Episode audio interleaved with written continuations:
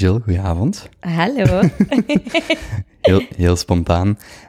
Jill, jij hebt... Wacht, laat ons hier beginnen. Jij vertelde mij daarnet dat je net in de quarantaine een podcast hebt ontdekt.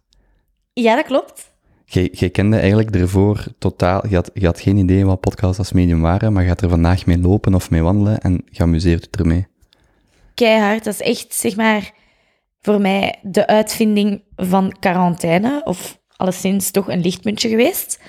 Ik had nog nooit van podcasts gehoord. Ik wist ook niet wat dat was. eh. en ja, op een dag... Allee, ik had er wel zo vaag van gehoord, hè. Niet, niet, maar wel echt vaag. En op een dag dacht ik... "Ah, Ik ga eens een vriendin vragen of ze een goede podcast weet. Ik, ik wil dat precies een keer uitproberen. En ja, zodoende. Hop, in de podcast gerold. En nu kan ik niet meer gaan lopen, joggen, koken, bakken zonder een podcast. Dat gaat niet meer. Wat luistert je het liefste? ik luister het liefst momenteel naar true crime. Ik durf het zo bijna niet te zeggen. Zit er, zit er een bepaald taboe rond? Of een, bepaalde, een bepaald waardeoordeel rond true crime? Ah, wel, maar ik vind dat dus niet. Maar die podcasts die ik luister zeggen vaak van... Ja, en soms schaam ik me wel als ik vertel dat ik true crime podcasts maak. En dan denk ik, oei, moet ik mij schamen? Omdat ik een beetje een voorliefde heb, of een liefde heb voor die true crimes. Ik vind dat gewoon heel interessant en intrigerend. En ja, maar dus door hun reactie heb ik zo het, ook het gevoel van, oh, ik kan het niet zeggen. Maar nee, eigenlijk, ik vind het mega interessant, true crime. Ik zou het iedereen aanraden. Is er, voor mensen die er naar op zoek zijn, is er een goede Vlaamse of Nederlandse true crime podcast? Of luistert u voornamelijk Amerikaans of Engelstalig? Ehm, ik vind de Volksjury, die is ook wel heel bekend eh, op Spotify, eh, onder de True Crime podcast, eh, wel echt een goeie. Eh, maar ik zelf luister naar een Amerikaanse podcast en die heet Crime Junkies. En ja, de Volksjury is heel losjes. Die vertellen heel losjes en dan tussendoor mopjes en ja, ook super leuk en super interessant. Maar de Crime Junkies zijn gewoon straight. Direct, feiten, zaak en ja, toch iets meer tot toegetrokken. En ik weet nu wel, dit is de tweede podcast, maar het is de eerste keer dat je zelf in een ruimte, in een setup zit bij iemand eh, om een podcast zelf op te nemen. Dus uw introductie in podcasting, de wereld, van luisteraar naar gast op een podcast, is wel intens. Het is de eerste keer dat ik dus hier inderdaad zit met een micro super dicht tegen mijn mond. En ja, headsetje op. Ja, ik weet niet. Speciaal, leuk. Ik ga je ook vragen om mij een compliment te geven. Wat vind je van de stoeltjes? Top. They look like a million dollar bucks. Oké, ik ga dit fragmentje naar al mijn vrienden sturen die wekenlang over de vorige stoeltjes hebben liggen zeiken. Oké, Stuurt het maar. Ze zijn heel mooi en ze zitten heel goed. Oké, super. Jill, ehm, ik, ik begin altijd graag met mensen te vragen om zichzelf voor te stellen, no stress. Eh, wie zijt jij? Van waar kunnen mensen u kennen als ze u kennen? Eh, ik ben Jill Requière. Ik ben 26 jaar op dit moment. Eh, ik denk dat vooral mensen mij kennen als danseres. Voornamelijk waarschijnlijk door het programma So You Think You Can Dance, waar ik heb aandeel genomen in 2015 ondertussen al. En ja, daarnaast denk ik misschien op Instagram, omdat ik daar ook wel actief in ben. Ja, Van waar zijt je? Leuven. Kinda. Ish. Bertem. Bertem, ja. Als in, ja, dus ik weet niet, dat is zo klein naast Leuven, dat mensen vaak als je Bertem zegt, zo, hè, ik snap waar. En dan mag er gewoonte Leuven. Is, uw, is uw jobtitel danseres of is dat, is dat, heeft dat nog een andere naam van performance art? Ik heb geen idee, maar of is het echt, ik ben danseres? Ja, ik ben artiest, zou ik dan zeggen. Ja, omdat er, ja, dat valt daaronder. En ik ben niet alleen danser, ik maak ook soms zelf stukken, als in dansjes. Choreografieën. Ja, maar dat valt allemaal zo, zeg maar, onder de koepel artiest. Of ja, ik ben ook daarnaast ook dingen met andere artistieke dingen. Dus ik vind artiest een goede naam. Dus als ik u danseres noem, dan doe ik u eigenlijk niet alle eer aan, want je, doet, je bent artiest en je bent artistiek bezig en dans is een van die, is waarschijnlijk hetgeen waar mensen u het best, het best of het, Ja. het snelst door leren kennen, maar in de kern voelt u zelf een artieste. Ja, Misschien ook een beetje door de omgeving dat dat zo beter benaam, alleen een benaming is. Maar ik vind danseres ook wel echt niet iets slecht, hè? Begrijp ik Hmm. niet verkeerd. Maar artiest is gewoon iets groter. En ik heb toch soms het gevoel als mensen zo... Ah, jij bent een danseres. Ja, ik weet niet. Artiest klinkt precies anders. Zit er een negatieve connotatie aan danseres? Eh, ik vind van niet, maar sommige mensen gebruiken dat wel zo. Als je zo ergens komt nieuw bij mensen of zo, dan is het... En kunt je daarvan leven van dat dansen? Wat is dan je hoofdberoep? Stan, wat, en wat doet, ja, wat doet jij dansen? Ja, maar als hoofdberoep, zo, eh, beroep. Huh? Dansen? Dat is een, dat is, ja. Ja, Wacht, wilt dat dan wel zeggen, of is dat een foute assumptie, dat je het geluk hebt, tussen aanhalingstekens, om er ook voltijds van te kunnen leven? Of is er, zijn er echt wel best wat danseressen, dansers, danseressen, die het moeilijk hebben om daarmee rond te komen? Of zeg je, nee, nee, je kunt daar echt voor gaan als, als, als, eh, als hoofdberoep of zo. Er, is daar genoeg, er zijn daar genoeg mogelijkheden. Dat is eerder een, een, tab, een, sorry, een stereotype dat je, dat je niet zou rondkomen. Of is dat toch nog, bestaat dat wel? ik denk niet dat je vanzelfsprekend mag nemen dat je van dansen kunt rondkomen. Ehm, ik vind mezelf ook gewoon wel echt geluk hebben in om ervan te kunnen leven.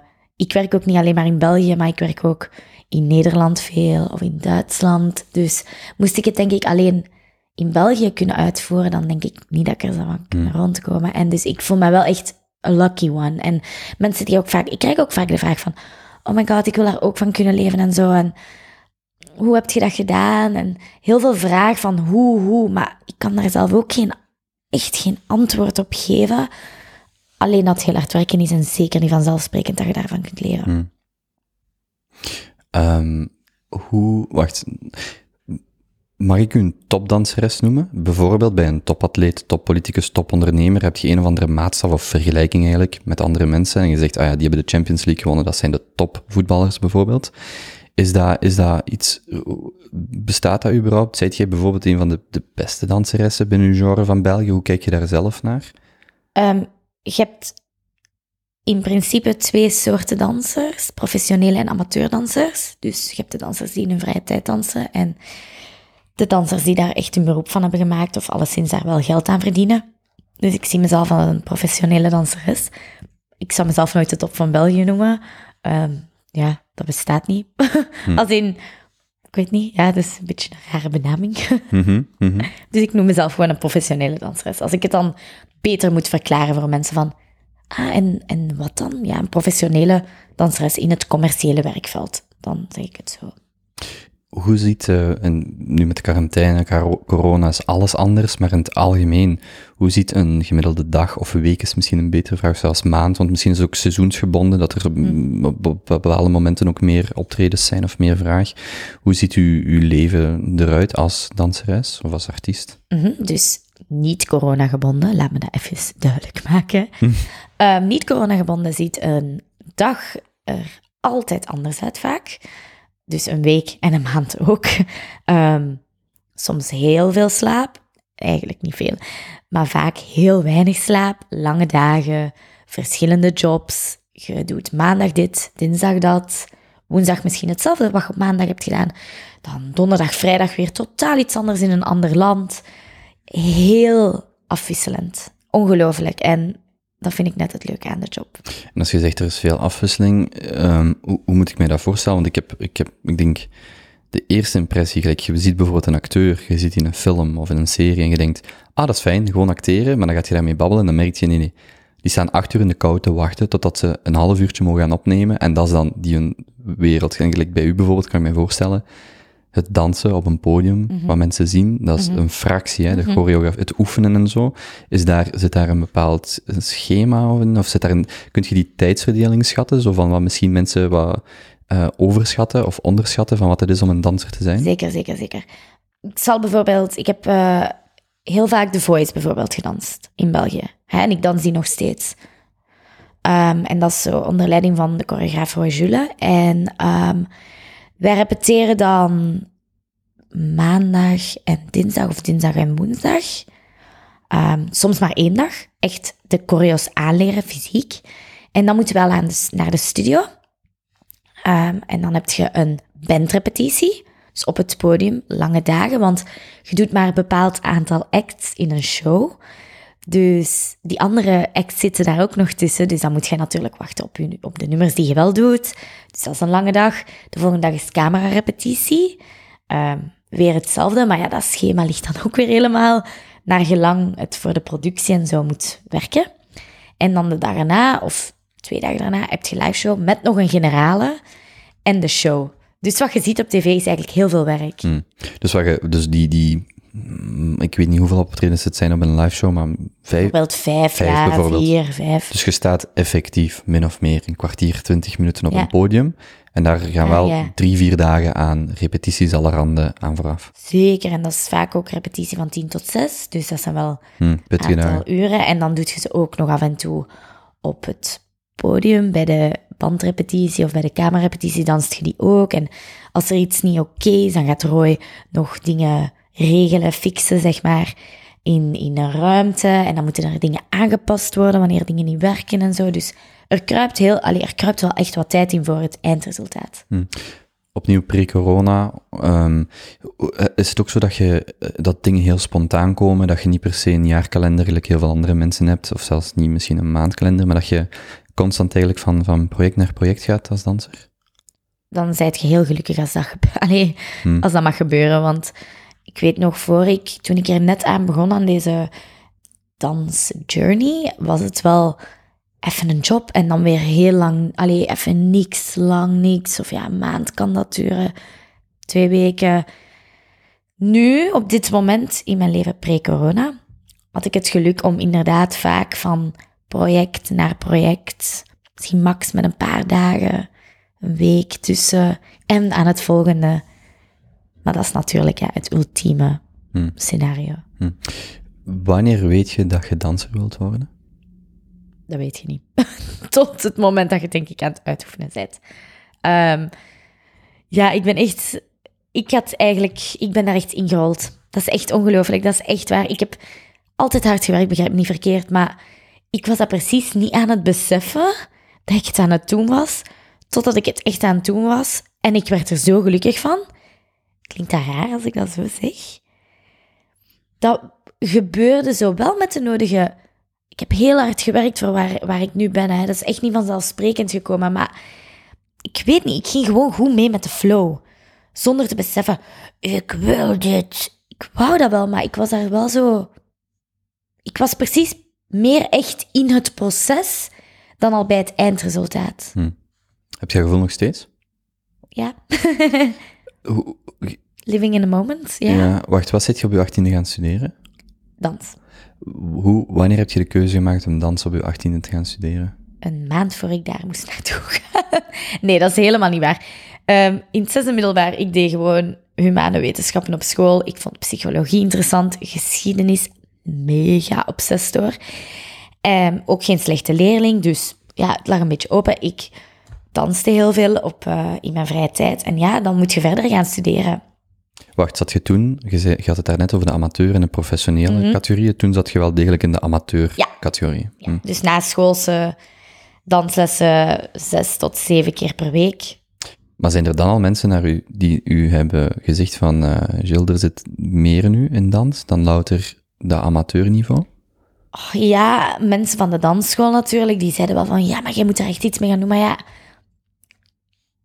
dat kan snel gezegd worden, hè. Dus dat is geen garantie. En ja, ik, ik weet het niet. Ik was dan maar auditie gaan doen voor die, voor die dansschool. Want ja, ik vond dansen wel echt heel leuk. Maar ik denk dat ik dat misschien zelf niet wou zeggen, om dan niet te crushed zou zijn als het Hmm. echt niet ging lukken. Dus ik ben dan een beetje nonchalant Maar stiekem, hoopte, ja. Stiekem hoopt je wel. Ehm, en ik ben dan een beetje nonchalant, die, zoals ik ben, die auditie gaan doen. Met weinig, waar weinig verwachtingen, maar dan toch stiekem wel hoop. Uit Tilburg, Til- ah, oké, oké. eh Fontis Hogeschool voor Kunsten. Ehm, zeg ik het nu juist? Help. maar ik denk het wel. Ehm, en ik ben dan auditie gaan doen. En ja, ik ben daar dan doorgeraakt. En plots kreeg ik een mail van, u bent aangenomen op deze school. Maar toen was ik eigenlijk nog niet overtuigd. Ik wist het allemaal niet. Het was een beetje veel. Hmm. En dan, een bless mijn mama, maar echt een maand of twee ervoor zei ik, ja, ik wil toch naar Fontis. Ik ga toch, ik ga toch proberen. Zoekt maar een kot, hè, op dat moment, wanneer iedereen al een kot heeft. Dus dank u, mama. Dus je zit dan wel naar Tilburg gegaan op je achttiende om dans te doen. Dus je gaat van of psychologie, of geschiedenis, of misschien nog andere dingen, of misschien dans. En ineens zeg je, ah ja, ik ga naar Tilburg om drie jaar, ik neem aan dat dat drie jaar was, of twee jaar? Vier. Vier jaar? Zie, Oké, dat is ook pittig. Het is een bachelor. Een hogeschooldiploma. Mhm, mhm. Maar wel één stagejaar. Dus drie jaren echt op school en één stagejaar.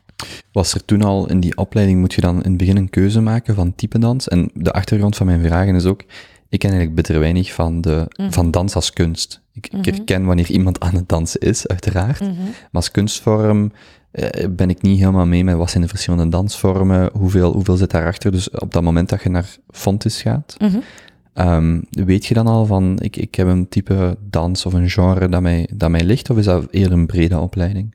Nee, er zijn drie richtingen in die opleiding. Eh, docent, dus om een docentdans te worden. En dan twee uitvoerende richtingen. Dansrichtingen. Hè. Je hebt daar nog meer kunstrichtingen. Je hebt daar de Rock Academie en zo. Maar dans, drie. Docent, uitvoerend jazz urban. En uitvoerend modern... Nou, nog iets achter Nog iets, hm. Maar ik heb deze richting dus niet gedaan, anders zou ik dat weten. Maar ik ben eigenlijk begonnen in docent omdat eh, nonchalante Jill maar zich te laat had ingeschreven. Dus ze moest wel in de docentenronde gaan meedoen. Dus dan word je ook voor die richting aanvaard. En ik dacht toen op dat moment, weet je, misschien ligt me dat, misschien is dat leuk. Maar ik wou echt duidelijk toen ik daar op school zat uitvoerend. En ik ben eigenlijk vrij snel, gelukkig, mogen overgaan. Want dat mag eigenlijk niet zomaar. Maar op een of andere manier hadden die docenten denk ik wel door dat ik eerder een uitvoerende danseres was. Ehm, dan inderdaad die lerarenopleiding te volgen. En dan ben ik snel mogen overgaan naar uitvoerend jazz urban. Dus meer de, de niet... Wij kregen, ook, wij kregen ook eigenlijk een soort van de moderne lessen zoals bij de moderne opleiding, maar ook wel de urban stijlen. En zij gingen dan dieper in die moderne stijlen. Dus het had wel heel veel raakvlakken, maar ook wel bepaalde andere dingen. Benoem zelfs eens de stijl die je nu het eh, liefste danst. Dat, ja, het is altijd zo. Het is moeilijk om te. Want wij raken eigenlijk veel stijlen aan. Mm, mhm. Je raakt niet één stijl aan. Zeker niet in, in het werk wel. wel even over mijn tong gerold. werkveld waarin ik zit. Ehm, dus het commerciële werkveld. En Ja, ja commercieel. ehm, Wacht, als ik naar The Voice kijk en ik zie u dansen, welke, onder welke stijl categoriseert u Ja, dat kan dan? alles zijn. Ik kan een modern stuk dansen on stage. Ik kan een, een... Maar aangezien het op tv komt, zou ik zeggen dat het commercial is. Maar niet... Ja, nee, dat is super moeilijk. Je kunt, je, je kunt daar gewoon niet één naam op plakken. Oké. Doe echt letterlijk verschillende stijlen. Wat is uw favoriete stijl? Heb je dat? Ja, ik denk dat ik wel zo into dat girly, feminine... ehm, ja, die heels... Zo meer, dat is zo meer mijn ding. Was heels? Hakken? Ah, oké, oké, ja, dat is niet... Hakken, ja. Ja, ja. Dat, is, ja, dat heet gewoon heels. Iedereen heet dat. Dat doet mij aan iets denken. Het viel mij op dat jij in quasi al uw filmpjes altijd dezelfde hakken draagt. Of dezelfde schoenen. Dat is de beste vraag ooit. Ja, ik vroeg mij dat af. Is dat omdat dat die specifieke schoenen... Je hebt altijd diezelfde zwarte, My god. hoge hak aan. Dat is hilarisch, want vandaag heeft iemand mij daar ook op gewezen en nog nooit heeft iemand dat gedaan. Mhm. En nu toevallig vandaag twee keer. Oké, grappig. Wel. Misschien moet ik die dus- andere gast ook op de podcast vragen. Die dat, of Misschien kent je vriendin. die Olga Leijers. Aha, Ook figuurtje. Dus zeker dat hij dat ook heeft gezegd tegen mij. oké. Die heeft mij daar zelf, die heeft mij niet daarvoor gebeld, maar die heeft dat wel in ons telefoongesprek gezegd, ja. Geweldig vind ik dat. Want grappig dat dat opvalt. Ja, dus ik heb die twee jaar geleden gekocht in Amerika. Hakken waarin je lekker danst, is gewoon moeilijk om te vinden. Je voet zit daar niet goed. Dat ja, dat is een goede sneaker vinden om te gaan lopen. Bon, twee jaar geleden vind ik die perfecte hakken om in te dansen. Maar die zijn nu zo kapot. Ik kan u dat niet uitleggen. Ik zou u dat willen tonen. Ik heb die al drie keer genaaid. Zeg maar, er is een gaasje aan mijn hiel.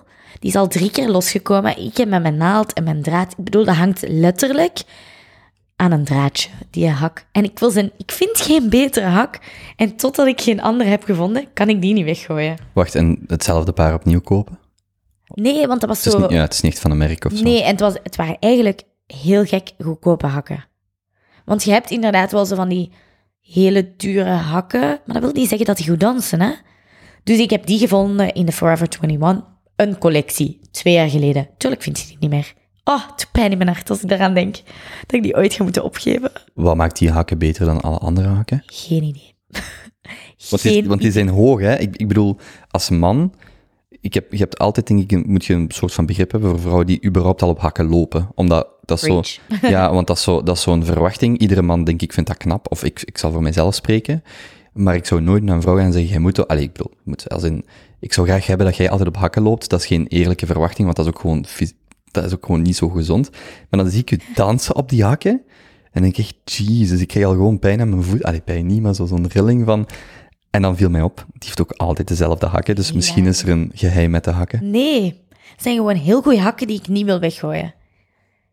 En ik heb er zoveel... Ja, die hebben ook zo'n low-key emotionele waarde. Die hebben echt al mijn filmpjes meegemaakt en al mijn choreo's. En... Wat je ook doet, je mocht ze nooit weggooien. Nee, dat zijn ook de eerste hakken waarin ik eigenlijk echt heb gedanst. Ik had zo wel wat hakjes, maar pff, allemaal een beetje de ronde gepasseerd. Danste nog niet zo heel lang op hakken toen ik die hakken heb gekocht. En deze waren, ja... Het is in hoog. Ja, een beetje de... Ja. En ik spreek vooral, voor alle duidelijkheid, ook vanuit begrip, zo de fascinatie. Zo, soms kan ik naar films bijvoorbeeld kijken of naar muziek luisteren en echt denken, hoe doen die dat? En als ik u zie dansen op die hoog, want dat is dus hakken oké, maar dan zie ik zo die hoog hakken en dan denk ik, jezus, dat is, ja, hoe, hoe doet hij dat zelfs? Het is een sport, hè. Ja, Dat beoefent je en daar word je beter in. hm. Oké. ik, ik, ik, ik wist dat ik iets over die hakken wou zeggen, maar Ik vind dat echt de beste vraag. Dit is tot nu toe... Nee, dit gaat tot aan het einde mijn favoriete vraag. Oké, eh, ja, dan kunnen we nu stoppen. Hè. Nee. dus die, die, die opleiding die je dan in, eh, in Tilburg doet, ehm, heb je meerdere, ehm, eh, hoe heet dat? Ehm, allee, dat je gaat om u in te schrijven. Audities. Heb je er meerdere in verschillende scholen gedaan? Of wist je, ik ga, ik ga daar naar Tilburg? Zoals ik al zei, ik was heel laat met, naar audities te gaan. En dat was eigenlijk de De enige die nog overschot. die nog overschoot, ja. En dus nee. Het antwoord is nee. Hoe kijkt je het vandaag? Je bent nu 26, dus je zit er een jaar of vijf weg, min of meer. Ja, klopt. Eh, Jaren vijf. Hoe kijkt je terug op die periode? Ik ben heel blij dat ik die opleiding heb gedaan. Dat heeft mijn ogen zeker geopend. Maar op het moment zelf vond ik dat verschrikkelijk. Waarom? Meerdere factoren. Ehm, mijn vrienden studeerden in Leuven. Die waren het beste studentenleven ooit aan het leiden. Eh, ik moest van 8 tot 8 naar school. Elke dag. Dat is niet hetzelfde. Zeg maar. En ik was weg van huis en oh nee, ik was er precies allemaal nog niet klaar voor. Op een of andere manier heb ik doorgezet. En ik ben heel blij, omdat dat, dat heeft mij gewoon extra kennis gegeven. En ik doe bepaalde dansstijlen, vooral wat je ziet op mijn Instagram. Maar ik heb daar veel meer geleerd. En bijvoorbeeld op een auditie of op een job kan ik dat wel uit mijn rugzak halen. Heb je ooit eh, Black Swan gekeken met Nat- Natalie Portman? Wel al een tijdje terug. Ja, dus dat is andere stijl natuurlijk, maar dat beeld heb ik zo in mijn hoofd van de keiharde wereld, dat dan in, het algemeen, ja, balletwereld ook. hè. Ik weet niet of, dat haar, of je dat echt al één, of je het kunt vergelijken, twee, of het dan ook effectief harder is of niet. Maar ik kan me wel voorstellen dat in de echte wereld dat vrij gelijkaardig is en dat dat gewoon keihard is. Hè? Dat je van buitenaf denkt, ja, ja, die zijn wel aan het dansen, zonder er denigrerend over te doen. Mhm. Maar dat die wereld van de binnenkant keihard is, hè? want je zit daar allemaal met eigenlijk, eh, Eén droom. ja, inderdaad, ja. Ja. Dus elke soort danswereld. Is dat, is dat element van competitie, is dat al van het begin, als je naar die school gaat, is dat aanwezig? Of voelde je dat zo? Nee. Nee, want dat is een opleiding. Dat is ja, toch wel anders of zo. Je bent niet aan het strijden voor een job of op een auditie. Je bent allemaal eigenlijk gewoon op diezelfde opleiding en je hoopt die kunnen af te maken. Dus ik heb niet echt last gehad daar van enige competitie of gevoel toch dat dat een competitie was. So You Think You Can Dance, is Mhm. dat, hoe vult, hoe gaat je van Tilburg naar So You Think You Can Dance? Wat is daartussen gebeurd en hoe zit je daar terechtgekomen? Ehm, drie jaar, ja, So I Think You Can Dance was natuurlijk een programma voor dansers. Er zijn er niet echt heel veel, waar dansers zijn eerder background vaak van elke optreden en elke show. Een ondersteunende act. En So I Think is een programma waar natuurlijk de danser centraal komt te staan. En I think dat elke danser toen destijds, zeker 2015, hè, dat, dat liep al vijf seizoenen, daarvan droomde om mee te doen. En ik was als geen ander en ik dacht, weet je, laat me dan een keer proberen. Zoals ik hè, gewoon een keer ga met de flow. Lijkt me leuk. Ehm, en dan heb, ik daar, ja, dan heb ik daar auditie gedaan in mijn laatste jaar dat ik op de opleiding zat. Met heel veel stress hoor.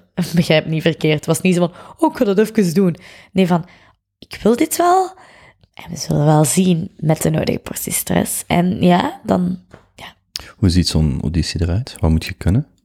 je Of, bereidt, of wat moet je tonen? ja, je bereidt iets voor. Hè? Dat zijn verschillende audities. Dus in mijn jaar was het twee audities. Alleszins, ik moest nog een extra auditie. Twee. Wat was dat? Ik heb, van, ik heb vandaag een kadertje in mijn toilet opgehangen met van die kauwgomtjoepjes. En dat is net naar beneden gedonderd. Je hoort dat tot hier, dat is wel sick. Ik hoop dat je kader... Moet je gaan kijken? En dat is toch te laat. Oké, sorry, kadertje. Maar dat is al de tweede keer dat dat naar beneden dondert. Dus wat? Gewoon geen kauwgomjes meer voor tegen de muur. Duidelijk niet. Een vriendin gaf vandaag die tip, plak er wat kauwgomjes tegen. Dat is de tweede keer dat het naar beneden dondert. Dus sorry Louise, maar dat gaat niet meer gebeuren. Louise, dat was geen goede tip, hè. nee, maar ehm, ik ben toen, ja... Ja, je bereidt iets voor, die auditie. En ehm, je moet dat dan doen voor de jury. De, ja. Maar, allee, ik bedoel, dat, dat klinkt zo makkelijk, maar dat is niet, hè. Je, je giert met zenuwen door je lijf en die mensen zitten daar zoals een jury. Maar is dat gelijk in, bijvoorbeeld, ik ken, mijn referentiepunt is dan zoiets gelijk Idol, wat je op tv hebt gevolgd. Als in, je gaat binnen, eerste ronde van de auditie, je doet een, een, eh, een performance, een, een, een minuut, twee minuten, drie, vier, vijf minuten. Mhm. En dat is het. Je zit daar gewoon een hele dag naar te wachten, op te wachten. Je hebt je, je hebt je choreografie of je dans, en je doet die daar voor een jury. Dat is het ook. En hoeveel van die auditierondes zijn er zo? Ik heb een auditie eh, twee solos moeten doen en dan heb je de bootcamps. Eh, de bootcamp is er trouwens eentje. Ehm, en daar moet je ook een performance doen. En dan komt je in de live shows en dan moet je ook performances doen. En dit is in het laatste jaar van die opleiding, of Ja. nu stagejaar. Ja, dat heb ik ook als mijn stage kunnen gebruiken. Ah, Oké, dus dat, was, dat maakt het heel eigenlijk... Dus die So You Think You Can Dance, als je inschreef, dat was ook mogelijk om dat stage voor je opleiding te gebruiken. Ja, dat wist ik op dat moment niet. dus ik heb dat gewoon gedaan. Sorry van dit. Ehm, maar eh, ja, dat maakt inderdaad... eh, dat is uiteindelijk wel als mijn stage aanvaard. Mhm. Ehm, eh, heb je op dat moment het besef van, maar ik ben hier wel goed in, of dit is waar ik, waar ik verder mee wil gaan, of kwam dat nog altijd niet? Nee, nee, ik heb eigenlijk nooit. Ik, ik, allee, ik heb heel veel passie voor dans, maar het is niet dat ik op dat moment ook nog niet dacht: ik ga er mijn beroep van kunnen maken. Ik wou dat wel, maar ik geloofde dat niet. Allee, ja, ik geloofde dat niet echt of zo. Hoe, hoe was die ervaring in dat programma? Eh, heftig wel. Ehm, want er gaat gewoon, dat is natuurlijk ook een, een televisieprogramma en je wordt echt blootgesteld aan, aan, zeg maar, aan iedereen aan de wereld. Met hetgene wat u, wat u het dierbaarste is. Wat heel dicht bij uw hart ligt. En dat is uw passie en uw, ja, dat zet jij die je daar toont. Want ja, dans is zo'n groot deel van mijn leven. Dat ben ik echt die me blootstel. En je mocht honderd goede reacties hebben, maar die ene die gemeen is, die voelt je wel echt. Ehm, maar ik heb daar ook wel heel veel van geleerd, hè, van het programma. Dus ehm, echt een heel goede leerschool geweest. Heel veel toffe herinneringen aan. En ja, dat heeft me ook wel gemaakt tot de persoon die ik nu ben. Ik heb zeg maar zeker door Suitink geleerd van... Oké, je gaat hard moeten werken om er te geraken. Ja, ik ben even, ik ben even aan het denken, zoveel richtingen om, om, om, om, om uit te gaan. Ehm, wat gebeurt... Ik, ben, ik ga het even chronologisch, ik ga het chronologisch Ja, ja. en dan, en dan kom ik op, ga ik op andere dingen inpikken. Is dat wel een punt dat uw carrière als danseres eh, vertrokken is, of die, die, die ruggenwind heeft gekregen dat, dat je nodig had om er een carrière van te maken? Of, of overschat ik dan de impact daarvan? Ik denk dat dat vooral persoonlijk een goede wind heeft gegeven. Ik weet nu niet zozeer of dat veel op. Maar dat heeft mij, zoals ik zei, heeft mij echt ertoe aangezet van je hard moeten werken. En daardoor ben ik heel veel lessen gaan volgen. En ik wou mij improven. En ik... Ik wou, zeg maar, misschien wat ik niet heb kunnen tonen in het programma toen, wat ik wel kunnen tonen nu. En dus dat heeft mij, zeg maar, een duw gegeven van ehm, dat mensen zeg maar niet één beeld van mij kunnen hebben. Want hè, tv geeft een beeld van u. Eh, Mensen zijn zo dat ze u in een bepaald vakje steken vaak. En ehm, ik heb zoiets gehad van, ik wil die andere dingen die ik niet heb kunnen laten zien ook kunnen tonen. En dus ik ben lessen gaan volgen en mij op Instagram ook gaan blootstellen met filmpjes te posten. En op een of andere manier ergens along het proces is een bal gaan rollen.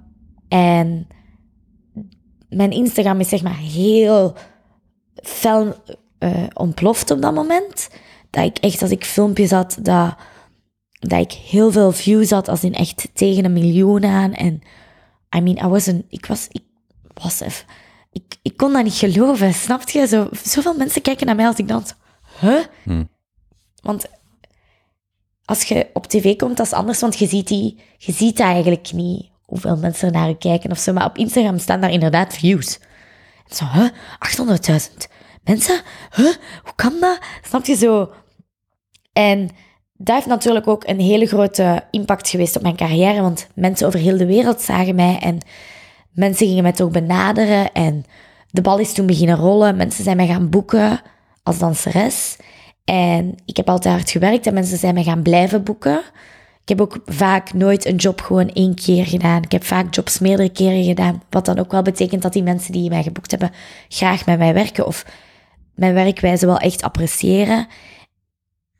En ik denk ja, in combinatie van So die persoonlijke duw geweest, ik die mij heb blootgesteld aan Instagram, Instagram die daaraan heeft geholpen, heeft geleid tot waar ik nu sta. Dan is er die artiest die zingt I see you winding and grinding up on that ball. I know you see me looking at you and you already know. Ja, En die I wanna fuck you. En dit is trouwens de vraag waarvan ik niet wist of ik hem zo kon stellen. oké. En dan zie je dat eigenlijk een, een filmpje van u deelt Ja, op Instagram. ja. Wat doet dat met u? Ik kon dat niet geloven. Ik dacht, sorry, nee, pinch me. Dat kan niet. Dat kan niet. Nee, dat kan niet. en ja, dan is dat toch gebeurd. En dan denk je toch van, wow. Maar ja, ik weet niet, wow.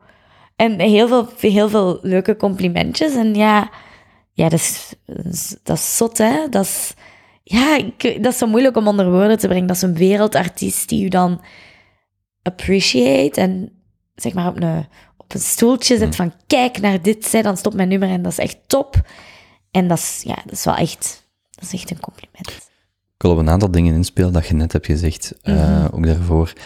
Eén, is dansen voor u een, een individuele? Is, u, is uw werk in de, grote, in de grote paraplu, is dat voor u individueel of is dat wel collectief? Bijvoorbeeld voor mij, ik heb mensen rondom mij, maar wat ik maak is volledig, ik, zo voelt dat voor mij. En als ik bijvoorbeeld met bevriende schrijvers zou praten, die zeggen, ja, ik heb wel mensen rondom mij, maar dat is fundamenteel alleen. Je schrijft alleen, je maakt het alleen. En voor u is, is dansen en sorry, uw werk in, in, in, in bredere zin, is dat iets wat je alleen doet? Dat als bijvoorbeeld een deel, dat, dat deelt, denk je dan, dit heb ik verdiend, dit is, dit is ook door mijn toedoen rechtstreeks? Eh, dat is ook de choreograaf, de choreograaf zeg maar, die die choreo heeft gemaakt. Ik dans haar choreografie, dus het is niet alleen ik die dat heb gedaan. Het is inderdaad ik en die choreograaf samen. Dus het is niet echt alleen. Want ik vind dansen ook niet echt iets alleen. Dat kan iets alleen zijn, maar ik vind dat vaak ook wel iets heel groepsgebonden. Ehm, je kunt inderdaad... Je hebt verschillende... Ja, je hebt zo een solodanser of een groepsdanser. En in het commerciële werkveld, dat is eigenlijk best wel grappig, in het commerciële werkveld heb je geen solodanser nodig. Je hebt iemand, je hebt dansers nodig die zich als een groep kunnen gedragen achter een artiest. Want ja, als er daar ene, snap je wat ik bedoel? Vertel maar. Als je daar ene hebt die totaal andere, anders zijn ding gaat doen en helemaal de spotlight wilt soort van overnemen, ja, dan is die niet geschikt voor een groep te dansen. En dan noemen wij dat een solodanser. Maar ik kan van tijd tot tijd ook een solodanser zijn. In een les bijvoorbeeld, als ik train, approach ik mezelf wel als een solodanser. Dan ben ik gefocust op mezelf. En dan wil ik zorgen dat ik, er me, ik mezelf het er het beste laat uitkomen. Maar als ik een job doe of zo, dan ben ik wel bezig met het totaalbeeld ook. Ook met mezelf dat ik de choreo goed doe, maar ook met de rest dat het totaalplaatje klopt. Snapt u wat ik daarmee bedoel? Of heb ik uw vraag totaal niet beantwoord? Min of meer, ik probeer vooral vanuit mijn, ik heb een idee over wat jij doet en ik probeer dat vooral van Ja, ja. te ik. ontkrachten of, te, of net bij te zetten van hoe, hoe zit dat nu? Wat je net zegt, dan denk ik van, ah ja, inderdaad. De, wat ik net zei van de schrijver is eigenlijk niet de best, het beste voorbeeld. Het is eigenlijk eerder een acteur die ook een regisseur heeft of een scenarist. En het is niet enkel de performance van die acteur, het is echt een heel, het is wat jij zegt, die choreograaf. Ik dans wel, maar ik doe wel iemand zijn of haar Pasjes, choreografie, ja. pasjes, en dat is even integraal als ik die dat perform of die dat, die dat brengt. Er is iemand dat dat heeft uitgedacht, dat is niet gewoon uit het eilen dat ik qua sta te dansen of zo. Zijn er, zijn er moves, opnieuw, dat is misschien een domme vraag, maar zijn er moves waarvan jij denkt, dat is echt next level, of dat, dat kan ik niet, of heb je, Stijlen dan misschien bedoelt je meer. Ja, opnieuw, ik, ik zeg het vanuit een achtergrond die misschien niet helemaal aansluit Mhm. bij wat ik probeer te vragen, maar ik bedoel niet stijlen, want ik kan me gerust voorstellen dat er heel wat dansstijlen zijn waarvan je zegt, dat, dat kan ik niet, of daar heb ik nooit, daar heb, dat heb ik nooit gedaan. Maar binnen de stijl of binnen hetgeen wat jij doet, is er, er- zijn er dingen waarvan, misschien is mijn referentie dit, als, je, als ik vandaag met iemand zou praten die in de Jupiler Pro League in België voetbalt, dan kan ik me echt wel voorstellen dat die zegt, ja, daar ergens in Real Madrid of zo, daar, zijn, daar lopen spelers rond, die kunnen dingen, we zijn allemaal aan het voetballen, maar die kunnen dingen, dat kan ik nooit. Dat is gewoon, dat is nog eens drie niveaus hoger. En het is zo'n beetje daarvan, ziet jij, ziet jij andere mensen binnen uw stijl dansen en denk je echt van, dat is zo zot wat dat die doen. Als, zit er nog heel wat gradatie op, of heb je zo het gevoel van, nee, eigenlijk, als ik maar er lang genoeg voor oefen of zo, kan ik eigenlijk allerlei zotte moves doen. Maar ik ga er al vanuit dat er zo een of ander, ik heb zo in mijn hoofd het idee van, ja, zotte moves. Ehm, dat is eigenlijk een moeilijke vraag, want ik, er zijn zeker veel betere mensen dan mij, eh, die zeg maar anders dansen binnenin mijn stijl, maar dan niet zozeer de moves misschien, maar de, de kwaliteit van het uitvoeren. Daar, op dat gebied kan ik zelf, vind ik, nog heel veel leren. Ehm, dus er zijn inderdaad wel mensen die wel, nou ja, die, die, staan hier, die staan zeker nog boven mij. Ehm, en gelukkig, want anders zou ik aan een plafond zijn en op dit moment en dat zou ik niet willen of zo.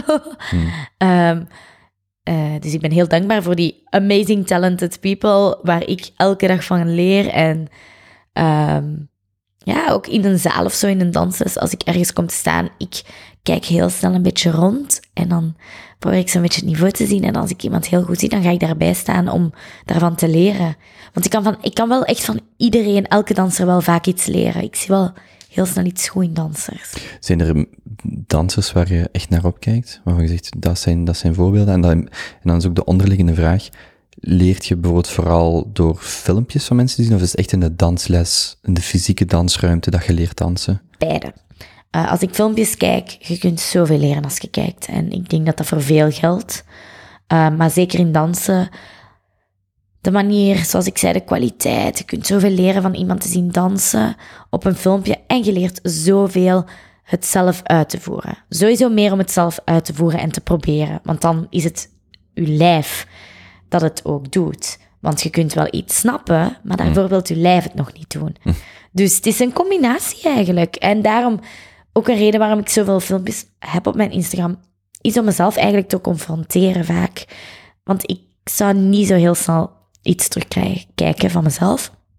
Ik vind dat vaak ook slecht na twee keer te kijken. Dan denk ik, eeuw, waarom heb ik dat online gegooid? Maar daardoor kijk ik wel. En daardoor zie ik wel waar ik aan moet werken. En um, er zijn heel veel mensen uh, iemand waar ik heel veel mee dans is Jordi. Dus die jongen die je ook vaak in mijn filmpjes ziet. Ik ben daar eigenlijk in deze stijl. Hij was de choreograaf. En ik kende deze stijl niet tot 2015. Of 16 zelf. Dus vier jaar geleden. En ik ben een dansles gaan volgen bij hem. En ik wist zo nog niet heel goed wat mijn stijl was. Zo van, oh, wat is nu eigenlijk mijn ding? Wat vind ik nu echt zalig om te dansen? En ik ben ooit toen random, natuurlijk random, want hè, Jules, haar tweede bijnaam is random, naar een dansles in um, Nijmegen gereden. En ik ben zijn dansles gaan volgen. En dat was ook initieel niet het plan. Ik wou eigenlijk de dansles na hem volgen. Um, maar ja, ik was dan te vroeg voor die andere dansles en te laat voor zijn les. Maar ik ben er toch nog ingesprongen. En ik heb ons filmpje nog van toen we de allereerste keer hmm. met elkaar hebben gedanst. Dat is gewoon frappant. Wij zijn precies een match made in heaven, vind ik zelf. En ik leer heel veel van hem, nog steeds tot op vandaag de dag, ook al dansen we wel vier jaar samen. En hij is ook echt een deel waardoor ik de danser ben, waardoor ik... Allee, die stijl die ik nu oefen, dankzij hem heb ik die gevonden. En ik ben hem daar zo dankbaar voor. En dan along the way nog heel, allee, ja, heel veel geleerd van elkaar. Wacht, is hij een betere choreograaf of betere danser? Ik vind hem beide echt top in wat hem doet. Mm. Ehm, maar ik denk dat hem zichzelf wel als choreograaf ziet. Maar hij is een geweldige danser, hè? Mhm. Echt waar geweldig. En dat is ook tof als je elkaar, met elkaar danst en zo. Ik leer nog steeds, we leren nog steeds van elkaar. Wanneer zit een danser op zijn of haar piek? Als in, hoe, en, ik verwacht niet dat je een leeftijd zegt, maar heb je het gevoel van, op een bepaald moment zit ik echt, denk ik, op mijn, van, van nu heb ik nu kan ik alles eruit halen, zowel fysiek nog, dat je nog fysiek kunt dansen. Ik weet niet hoe, lang je echt op, hoog niveau, op het hoogste niveau of op hoog niveau kunt dansen. Maar eh, heb je het gevoel dat je zo nog steeds zo een, een, een opwaartse spiraal zit van ik leer elke dag bij en, en, en, en die piek ligt nog echt nog wel een stuk voor mij uit?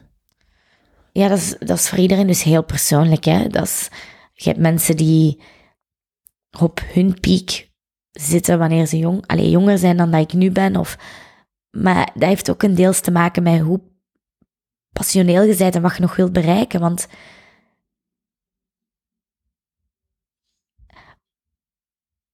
als in, ik wil mijn piek nog niet hebben bereikt. Daarom streef ik naar nog elke dag beter worden en elke dag leren.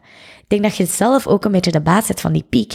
Natuurlijk, het fysieke element, dat als mijn lijf zegt van, mm, mijn rug kan niet meer en die dingen. Maar dan, dat zijn fysieke elementen die je dan gaan remmen en dan denk ik wel dat je dat voelt. Bedenk ik, weet niet wat wie, wie weet ben ik 39 en is die, is die remming dan pas... Maar op dit moment leer ik nog elke dag en ik, ja, ik duw mijn piek gewoon verder. Het is ook wat je, ja, hoe er zelf in staat en wat je zelf wilt. En ik geloof best dat je dat zelf een beetje in de hand hebt. Behalve, zoals ik zei, die fysieke beperkingen of hm. ja, een, een, jong lijf is altijd uh, vaak een beetje flexibeler of dit of zo. Maar de 21-jarige Jill wist niet wat de 26-jarige nu weet.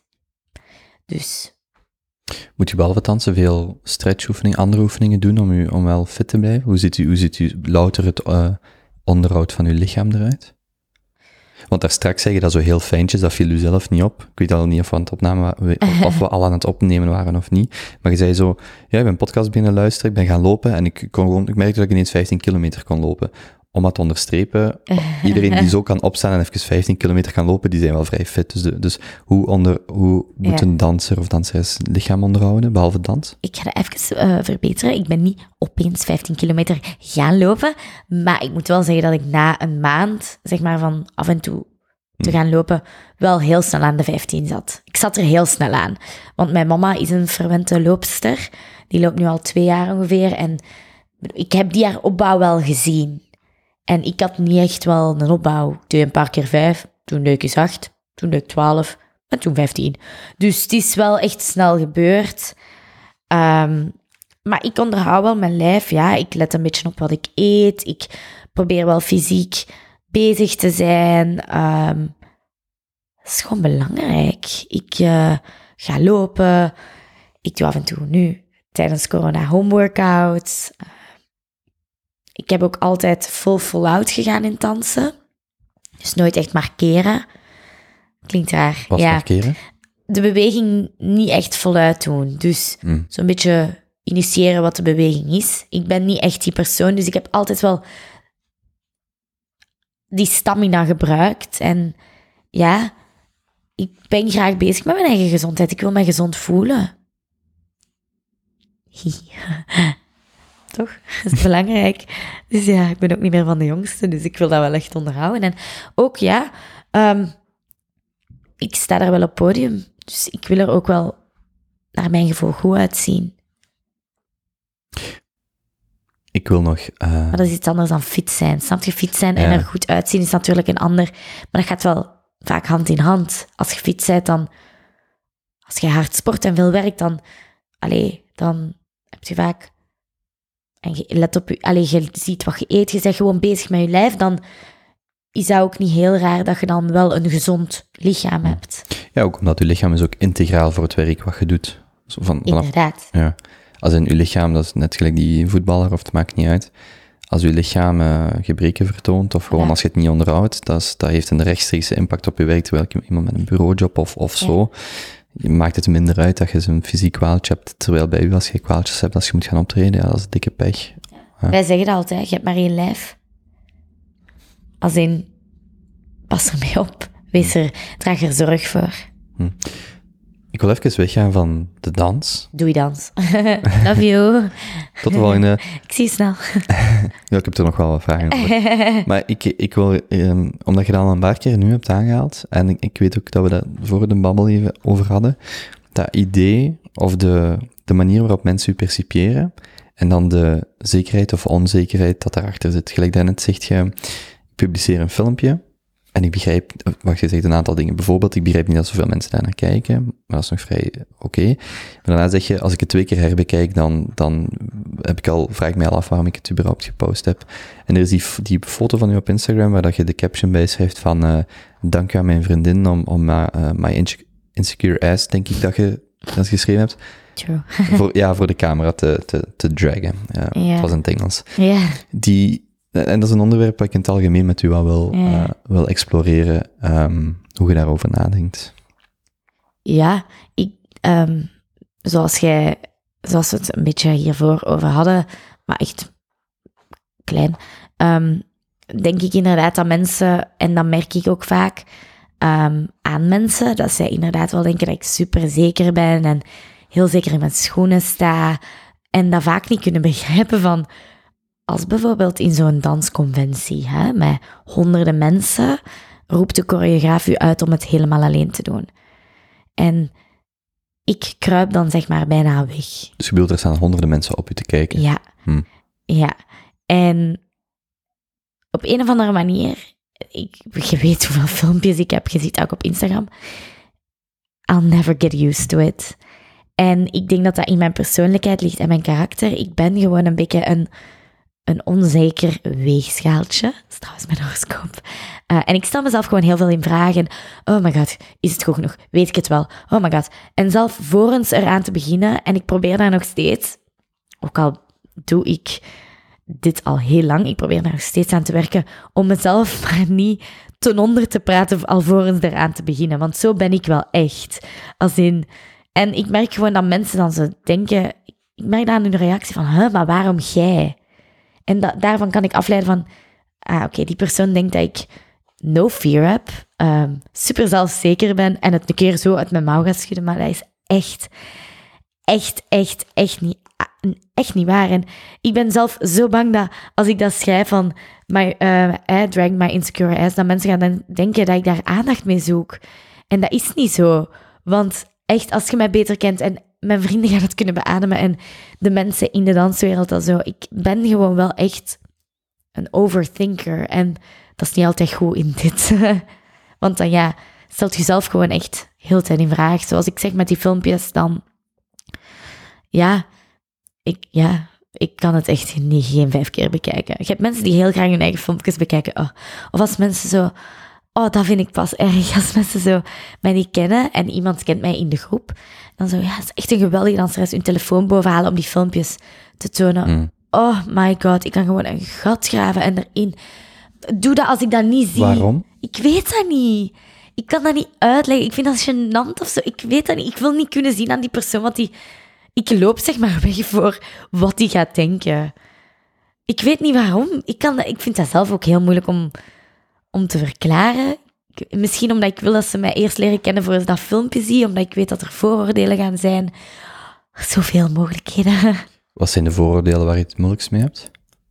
Gaat dat om Dat het, mensen het is maar een danseresje of gaat dat om het expliciete, bijvoorbeeld de kleding dat je draagt? Of, of waar gaat het dan over? Ik denk vooral als het, als het zo gezegd op een filmpje mijn persoonlijkheid gaan baseren. Ik denk dat ik dat het moeilijkste vind. Dus bijvoorbeeld, je draagt eh, korte shortjes of een bikini op een, Ja, op een meer filmpje. van, oh, ze draagt niks eh, en ze danst deze stijl. Oh, dat is sowieso eentje die zichzelf beter vindt dan de rest. Maar dat is niet zo. De stijl die ik doe vraagt gewoon... Kijk, als je ballet gaat doen, gaat je ook in de maillot gaan staan. Als je hip-hop gaat doen, gaat je baggy clothes aandoen.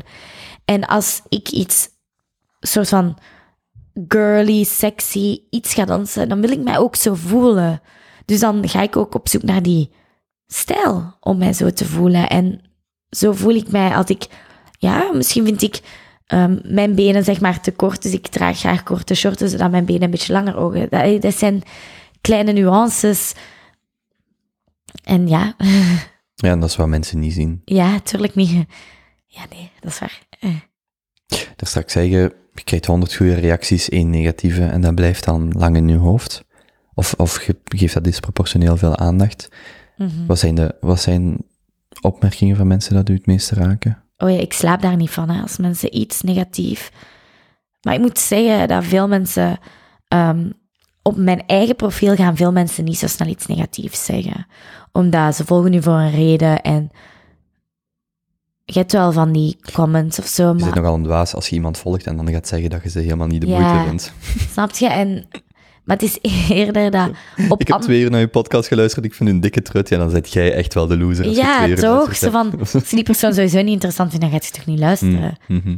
Ehm, maar het is meer, ja, als bijvoorbeeld... Ik weet nog dat ik ooit eens een video had... Ge, eh, een videoclip had gedaan.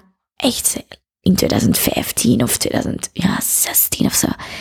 En er was een, sub, een teasertje van op die persoon haar Instagram. Zij was een DJ. En daar kwamen zoveel slechte reacties op van... Wat denkt zij? En Over, Lol. U, over u dan als dat. Ja. Mm. ik heb echt dat filmpje verafschuwd daardoor. En misschien kan het mezelf niet eens meer op, oprakelen. Misschien vond ik het wel goed of vond ik het niet erg, maar zeg maar door hun zag ik het zelf ook als iets negatiefs en kon ik er ook niet meer naar kijken na een tijdje. Maar inderdaad, ja, dat is wel echt zo. Mensen moeten wel echt voorzichtiger zijn soms met comments. Want je weet helemaal niet hoe, een persoon is. En zo- zo'n dingen zijn zo, zo snel gezegd.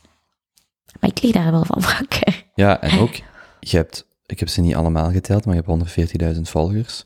Daar komen er tienduizenden bij. Het, eh, het is ook niet, hoe, hoe doet je dat zelfs in je hoofd? Die, die, enerzijds het, bereik wat je hebt, maar ik bedoel, de mate waarin je je openstelt voor reacties, het is niet dat, je, dat er tien mensen kijken. Hè. Als er 10.000 zijn, zijn het wij, eh, is het bij wijze van spreken weinig als je iets post. Dus die, die, die verhouding tussen wat jij net zelf zegt, van ik ben ook maar iemand, allee, mijn interpretatie, iemand dat gewoon iets probeert te doen en die reacties komen soms echt binnen, versus je bereikt wel heel veel mensen en daar zitten dan per definitie ook heel wat rotte appels bij. Hoe is dat, hoe probeert je daarmee om te gaan? ik probeer me zeg maar op te trekken aan de goede reacties dan, zeg maar. En ik probeer me daar ook echt bewust op te focussen. En ik moet nu ook wel niet zeggen dat ik superveel, zoals ik zei, op mijn profiel zelf, ehm, heb ik daar vrij weinig last van. En ik probeer wel echt te appreciëren dat ook mijn vrienden en familie mij nog steeds na zoveel jaren steunen. En nog, als die zo dan nog iets liefs zeggen, want mijn vrienden en familie zijn het zo gewoon om mij zo te zien dansen. Ehm, en als die dan, dan daar toch iets positiefs van zeggen, dan probeer ik dat ook tegen mezelf zeg maar, te zeggen van, oh, het is prachtig dat hij dat zegt, hè, na al die jaren. Ik probeer het positieve zeg maar, te benadrukken. En ver te onderscheiden van die slechte dingen. En die dingen die negatief zijn, wist ik. Sorry. Ik laat dat niet staan. Geen reden toe. Ik weet niet, negativiteit hoeft niet op mijn profiel te komen. Vind ik. En wat zijn dan de, de, de dingen waarvan je het meeste wakker ligt? We hadden het daar net even zo, maar wat, wat, of wat, nee, ik ga mijn vraag iets anders stellen. Wat onderschat ik? eh, wat zie ik niet van wat jij over je heen krijgt of waar je echt van wakker kunt liggen? Is dat bijvoorbeeld, ah, je zit in een vriendengroep, want dat vind ik een mooi voorbeeld waar ik zo niet aan zou denken tot je het zegt. Ik ben in een vriendengroep, iemand zegt, ah, dat is chill, eh, danser, eh, danseres, kijk eens op die haar Instagram, en dat je denkt, nee, nee, nee, nee, niet doen, niet doen, babbel gewoon met mij, reduceer mij niet tot gewoon danseres, ik ben, mee, ik ben ook dochter van, zus van, enzovoort en zo verder. Mhm. Ehm, dus, kan mij, dus zoiets, maar zijn er zo dingen waarvan je echt zegt, amai, dat, dat, dat raakt mij meer als dat mensen dat weten.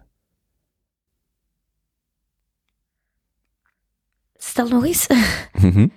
zijn er, zijn er eh, gebeurtenissen of opmerkingen die u, die u meer raken, waarvan je, eh, dus bijvoorbeeld dat voorbeeld van in die vriendengroep, dat iemand gewoon zegt, ah ja, dat is die danseres en ik ga naar dat filmpje kijken. Maar zijn er dingen waarvan je voelt van, Maar mijn vrienden doen dat bijvoorbeeld wel niet. Die zijn dan trots, zeg maar. Het is Mm. ik die met soort van... Oh my god, nee. Oh, ik wil niet dat hij kijkt nu. Oh nee, dan gaat hij zo'n soort van beeld van mij hebben. Dat is... Mijn vrienden doen dat niet met slechte intenties. Het is meer mijn onzekerheid, zeg maar, die naar boven komt en die zich dan gaat... Ik heb het gevoel dat ik mij moet verantwoorden op een, een of andere manier. Van waarom ik sexy dans, of snap je? Want het is natuurlijk wel nog steeds... Hoe ik dans is best wel eh, sexy en zo. En dat is dan toch anders dan dat je bijvoorbeeld zoiets heel modern danst. En het is natuurlijk ook de stijl, snap je? Dus dan, als in de stijl is, er is een waardeoordeel of zo over de stijl. van, dat is ja, wat- misschien ja. wel van zo van ja. Hm. En mensen weten soms denk ik ook niet hoe ze daarop moeten reageren. Of ja. Ja, dat is toch anders. Ehm, hoe moet iemand u best op straat aanspreken? Met, met, een, met een flesje water of zo? Nee, oh my god. Eh, nee. Nee. Oh, nee, dat is... oh, ik zit hier al over uw leuning met uw stoel, met mijn been heel, eh, heel thuis. Ehm, op straat.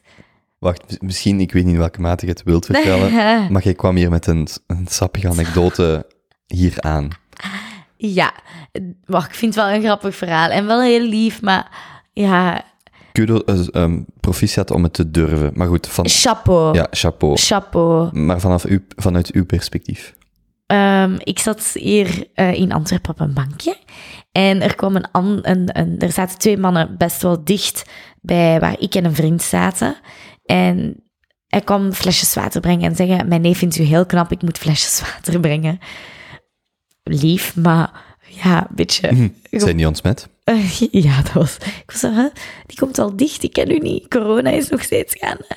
En allee, laat je dat dan overwaaien. En dan, eh, ik denk, ja, kleine vijf minuten later kwam diezelfde man weer een pakketje brengen voor die andere man. Wat waren het brownies? Hm. Met een post-it met zijn naam en zijn nummer. Ehm, ja, dat is niks voor mij gewoon. Zo, zo grappig. Maar ik vind dat wel chapeau dat je dat durft, want waarschijnlijk zou ik het zelf ook niet durven. Ehm, maar ja, nee. Nee, ik vind dat dan eerder zo awkward. En nee, dat is niks voor mij. Zo krijg je... Zo... En ook dat hij... Want hij zei de- zijn neef. Dat hij dat dan komt doen en niet zijn neef. En zo direct met cadeautjes. Allee, zo met dingen... Hè? Als in, ik ben wel echt zo van de traditional vibes. Van, hey, hallo, ik ben... En ik vind u een eh, knappe vrouw of zo. En zou je het zien zitten om mij beter te leren kennen? Ik weet niet, dat is toch anders dan een pak brownies brengen met een nummer op. Hm. Ja, ook al vind ik het echt wel... eh, het is iets grappig en het is leuk om te vertellen, maar het is niks voor mij om zo... Zo zou ik geen interesse, denk ik, hebben. Is dat raar? Nee, dus, dus ik, nee, ik zou nooit zeggen dat dat raar is. Ik vind het altijd leuk om... eh, eh, ehm, eh, in mijn hoofd denk ik dan om mensen uit een andere wereld te horen vertellen. Wat ik daarmee bedoel is, als man en als vrouw mensen benaderen of benaderd worden, dat is per definitie vaak al anders. Dus ik hoor heel graag zo die, en dan ook nog als je bekend bent of niet, of dat, al die soort dingen dat erbij komen. Dus ik hoor gewoon mensen dat graag vertellen van, hoe, hoe is dat? Wat doet dat met u? Omdat hey, maar ik vond het wel een compliment, hè. Allee, hmm. dat is lief. En, en het is niet elke dag dat mensen zeggen van, jij bent een knappe vrouw, hè. Allee, dat is, dat is tof en zo, maar ik zou niet zo snel dan u verbellen. Spreken mensen u op straat aan omdat ze u herkennen? Soms wel, ja. Is dat ambetant? Is dat moeilijk? Nee, ik vind het eigenlijk... Ik vind het wel tof, omdat ze vaak dan ook iets liefs zeggen. En dat is, ik vind dat wel leuk om, om... Ja, ik ben niet iemand die snel een gemakkelijk complimentje of ze ontvangt. Ik ga dan altijd nog een beetje zo... Ja, maar een beetje rond de pot. Hmm. in plaats van gewoon van neem het compliment aan en maar ik vind het vaak leuk wat ze te zeggen hebben. Ze van, ik dans ook en je hebt mij echt geïnspireerd om te dansen. En dat doet mij goed, want dan weet ik dat bijvoorbeeld al die negatieve dingen die ik soms krijg, die gaan dan in het niet. Door die mooie, positieve dingen. En het is veel persoonlijker als iemand u dat echt komt vertellen. Is dansen voor u een helingsproces, een verwerkingsproces? Zeker. Ja, dat heeft me echt wel met dingen geholpen. En als ik zo even. Dat is een moment van totale vrijheid. Ik kan dat zelf niet uitleggen. Dat is een moment wanneer ik niet aan het dansen, aan, dansen, niet aan denken ben. Misschien af en toe over de pasjes, maar ja, dat is een passie. Dat is, dat is een deel van mijn bestaan. Dat is een, ik heb heel veel gemerkt in de quarantaine. Dat is zo, ik weet niet, waarom leef ik is echt wel heel zwaar om te zeggen, maar toch een reden van mijn bestaan viel precies weg doordat ik niet kon dansen en mijn job uitoefenen dat ik zo graag uitoefen. En dat is echt wel, ja, dansen is wel echt heel veelomvattend van mijn leven.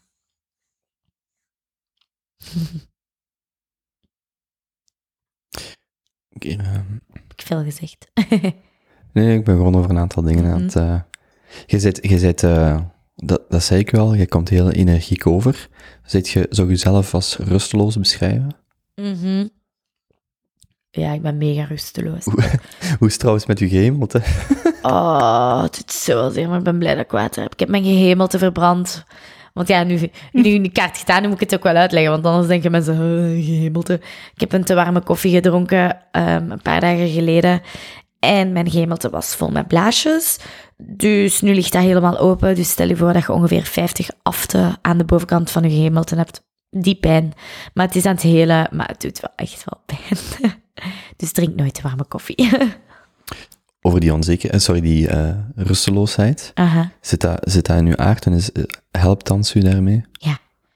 Ik ben echt zo iemand, mensen hebben die zoiets hebben, oh, een dag vrij zalig. Ik ben die persoon van, en wat gaan we doen? Ik ga me niet vervelen vandaag. Nee, nee, nee, nee. Als ik niks heb gedaan, dan heb ik me verveeld, hè. En dansen, ja, dat vraagt zoveel energie, dus ik kan een deel van mijn energie wel in het dansen kwijt. Gelukkig.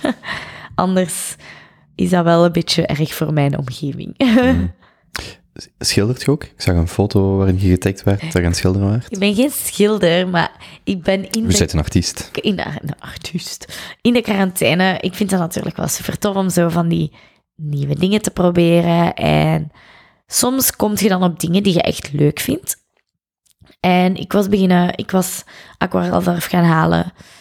En ik was, ik kan niet tekenen. Ik weet zeker dat ik geen tekenaar ben. Um, ja, moet ook gewoon eerlijk zijn over wat je ook niet kunt. Um, maar misschien schilderen kunt gewoon heel veel kanten op. En ik was laatst in mijn bubbel met een vriendin op haar terras. Uh, dat is ook zo echt, is mijn beste vriendin Charlotte. En um, die heeft zo'n beetje hetzelfde levensstijltje, zo van nieuwe dingen proberen, let's go. Uh, schilderen lijkt leuk, let's go, we gaan dat eens proberen. En we hebben echt zo een schildersdoek op de grond gelegd. Eh, een laken, sorry. Um, ezeltjes, twee doeken. En we zijn voorbeelden gaan zo een beetje inspiratie winnen. Het is nog wel naschilderen, hè. Baby steps. En we hebben letterlijk van 8 uur s'avonds tot 11 uur 30 non-stop geschilderd. Dat we recht kwamen en zo, ah, mijn rug. Oh. En dat was zo leuk om te doen. En ik vind, ja, ik vind daar een soort van mijn rust ook in naast, want ja, ik kan nu niet gaan dansen, niet gaan werken, dus ik zoek ook andere oplossingen, want alleen dansen is ook maar alleen, dus ik zoek naar nieuwe dingen en ik ben nieuwe dingen aan het proberen. En ja, schilderen, echt top, leuk. Maar een schilder ben ik niet. Iemand die schilderen leuk vindt, ja. Piekert je veel? Mega. Overdenken, hè? dat heb ik daar straks al een beetje gezegd. Dus dat komt wel gepaard met af en toe te piekeren. Wat gaat er dan het meeste door je hoofd? Be, misschien is dat ook een beetje dagsgebonden. Ehm, of ja, toekomstgebonden. Of nu met de corona natuurlijk, van oh my god, wanneer gaat dit ooit stoppen? En artiesten en events en al die dingen. En hele normale, soms ook banale dingen. Wat ik moet eten. Bij wijze van over alles kan ik wel even piekeren. Weten mensen genoeg van, van ehm, wacht. Nee, opnieuw. Je, je hebt een vrij, eh, je zit een publiek persoon aan de hand van je sociale media, als in mensen kunnen je gemakkelijk zien, volgen, eh, leren kennen of de indruk te hebben dat ze, dat ze u kennen, of de illusie te hebben. We- Weten mensen genoeg over ehm uzelf als persoon en, en weet het verhaal van, van, de, van uw opvoeding. Ehm, is dat iets waar je, waar je gemakkelijk over praat, waar je graag over praat? Is dat iets wat, wat je belangrijk vindt om te vertellen? ik ben een heel open persoon. En als mensen mij iets vragen, dan ga ik daar altijd heel eerlijk en open op antwoorden. En ik ben echt geen moeilijk persoon, maar het is, het is ook als mensen dat willen. En ik, ik geef ze zeker de kans, maar ik ga niet, ik ga mensen nooit overvallen met, zeg maar, verhalen. En als dat daar organisch uit rolt uit een gesprek, dan heb ik vrijwel met niks moeite om over te praten. Hm. Hm. Want ik vroeg u daar straks eh, uw achternaam, leuke achternaam. maar toen zei ik ook meteen, ja, ik ben eigenlijk door, door mijn eh, mama opgevoed, zowel jij als uw zus. ja. Heb je, ehm, de- en daarmee dat ik, als ik daar straks vroeg van, is, is de dans voor u een, een, een verwerkingsproces, of helpt u dat te verwerken? En als ik heel in het begin vroeg, was er een moment dat je voelde van, ik, ik, ik wil dit doen? Had je, had je als kind, als, sorry, als kind al, ehm, misschien wist je het toen niet, maar als je daarop terugkijkt, gaf, u, gaf dans u bijvoorbeeld, of misschien daarvoor een andere sport of iets anders wat je deed, zodat van dat, dat energieke, die rusteloosheid, dat je waarschijnlijk als kind ook al enorm had, Mhm. waren er manieren om dat, om dat te kanaliseren, om alles zo in, in balans te houden? Als in je bedoelt andere sporten of andere... Ja, of de dans, of, of hoe... Ja, hoe ik heb heel lang judo gedaan. Oké, Ja. Pas maar op, ik kan iemand vloeren. Ehm, eh, ik, ja, ik was wel echt wel een rusteloos kind. En mijn mama... de grap is dat ik ook, echt geloof dat je... Ja, ja, pas maar op, hè. Hela, niet met mij fokken. Ze zijn eh, klaar ervoor. Dus ik heb... Mijn mama vertelde eigenlijk een interessant verhaal waar ik eigenlijk niks, van, niks meer van wist. Van mijn zonnebril aan leggen. Mijn kop begon zeer te doen. Eh, waar ik niks meer van wist. Dat ik als kind eigenlijk hold your breath attacks had. Mega rare naam. En dat was dus dat ik, als ik een colère kreeg, zo noemt ze het dan, als iets niet mijn manier ging of ik kreeg het in mijn bolleke, dan begon ik gewoon te krijsen, stoppen met ademen en ging ik liggen. Mega gênant voor mijn mama, want dat kon op elk moment van de dag gebeuren, in elke winkel, in elk mogelijk, mogelijke setting. Maar dus je gaat liggen en je stopt met ademhalen. Een soort van, ja, een soort van hold your breath attack heet dat. Hm. Eh, ik heb eigenlijk nooit gevraagd hoe lang dat, dat was dat ik mijn adem inhield. Of, ehm, en dan moest mijn mama van de dokter ook echt gewoon mij laten liggen. Dat is gewoon even een woede-uitbarsting, zeg maar. Of zo. Ehm, dus, maar allee, dat is misschien, dat is niet echt bewezen, maar ik heb duidelijk ook een beetje ADD en ADHD. Het kan zelfs zijn dat dat bewezen is, maar ik weet dat gewoon. Dus, ehm yes.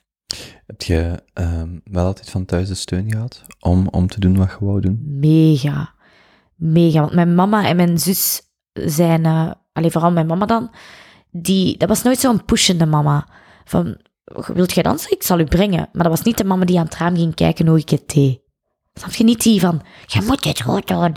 Ehm, die was altijd, doe je ding. Het is uw ding. Heel vrij daarin. En wel toen ik het moeilijk had in Tilburg, toen was zij wel een beetje zo van, kom Jill, je bent eraan begonnen, gaat ervoor. En ik denk, dankzij haar had ik dat echt niet afgemaakt. Dus, ehm, en die steunt mij en die komt kijken naar mijn optredens, en, maar nooit te veel. Hm. Want het is ook wel iets van mij en zo voelt dat ook. En natuurlijk zijn hun meningen nog steeds het belangrijkste, want als zij zeggen het is goed, dan weet ik dat het echt goed is. Met zij bedoelt je mama en je zus? Ja. Hm. ja. Naar wie gaat je als je advies nodig hebt? Over wat? Wel, Ruim gezien, hè? wa- wat zijn de dingen waar je advies over nodig hebt? Veel. Hm. Maar, eh, maar advies is zo een beetje een raar woord, vind ik. Hm. Is Of meer- raad? Ja, ja Of is ook een jaar meer over een, een open gesprek. Een gesprekje, als ik een gesprekje, maar met, met iedereen wel. Met mijn, zowel met mijn familie als met mijn vrienden ook. Ik praat graag, voor moest je het nog niet doorhebben. Ehm en ik kan dat wel zo wat... Ik heb dat graag ook met veel mensen eigenlijk. Ik, zoals ik zei, ik ben open en ik heb ook graag verschillende standpunten dan. Van andere mensen. Of kijken, kijken. Kijk van iemand anders. ehm, hoe die persoon, zeg maar... Want ik ben echt, zoals ik zei, overthinker. Dus ik reflecteer veel ook binnen in mezelf, maar dat moet er dan ook uit en dan hoor ik graag wat iemand anders te zeggen heeft. Dus ik pas dat eigenlijk toe wel met veel mensen. Dat is heel raar nu. hè. Je kunt alleen maar uitgroeien, denk ik. Toch? Ik weet niet. Ik praat gewoon met veel en graag. Ehm, ik wil praten met u nog over, ehm, sowieso over de plannen om naar de VS te trekken, maar daarvoor, want anders ga je dat vergeten. Ehm, iemand zou, kunnen, zou zich kunnen afvragen of je niet gewoon meer geld kunt verdienen met je social media dan met uw dans zelf, om, omwille van uw bereik. Waarschijnlijk wel zeker. eh, er zit heel veel geld in social media. Dat is een soort van niet gratis reclame, want er wordt voor betaald. Maar de prijzen van eh, eh, reclame in magazines en zo, en zo van die borden, dat, is, dat kost immens veel geld. Hè?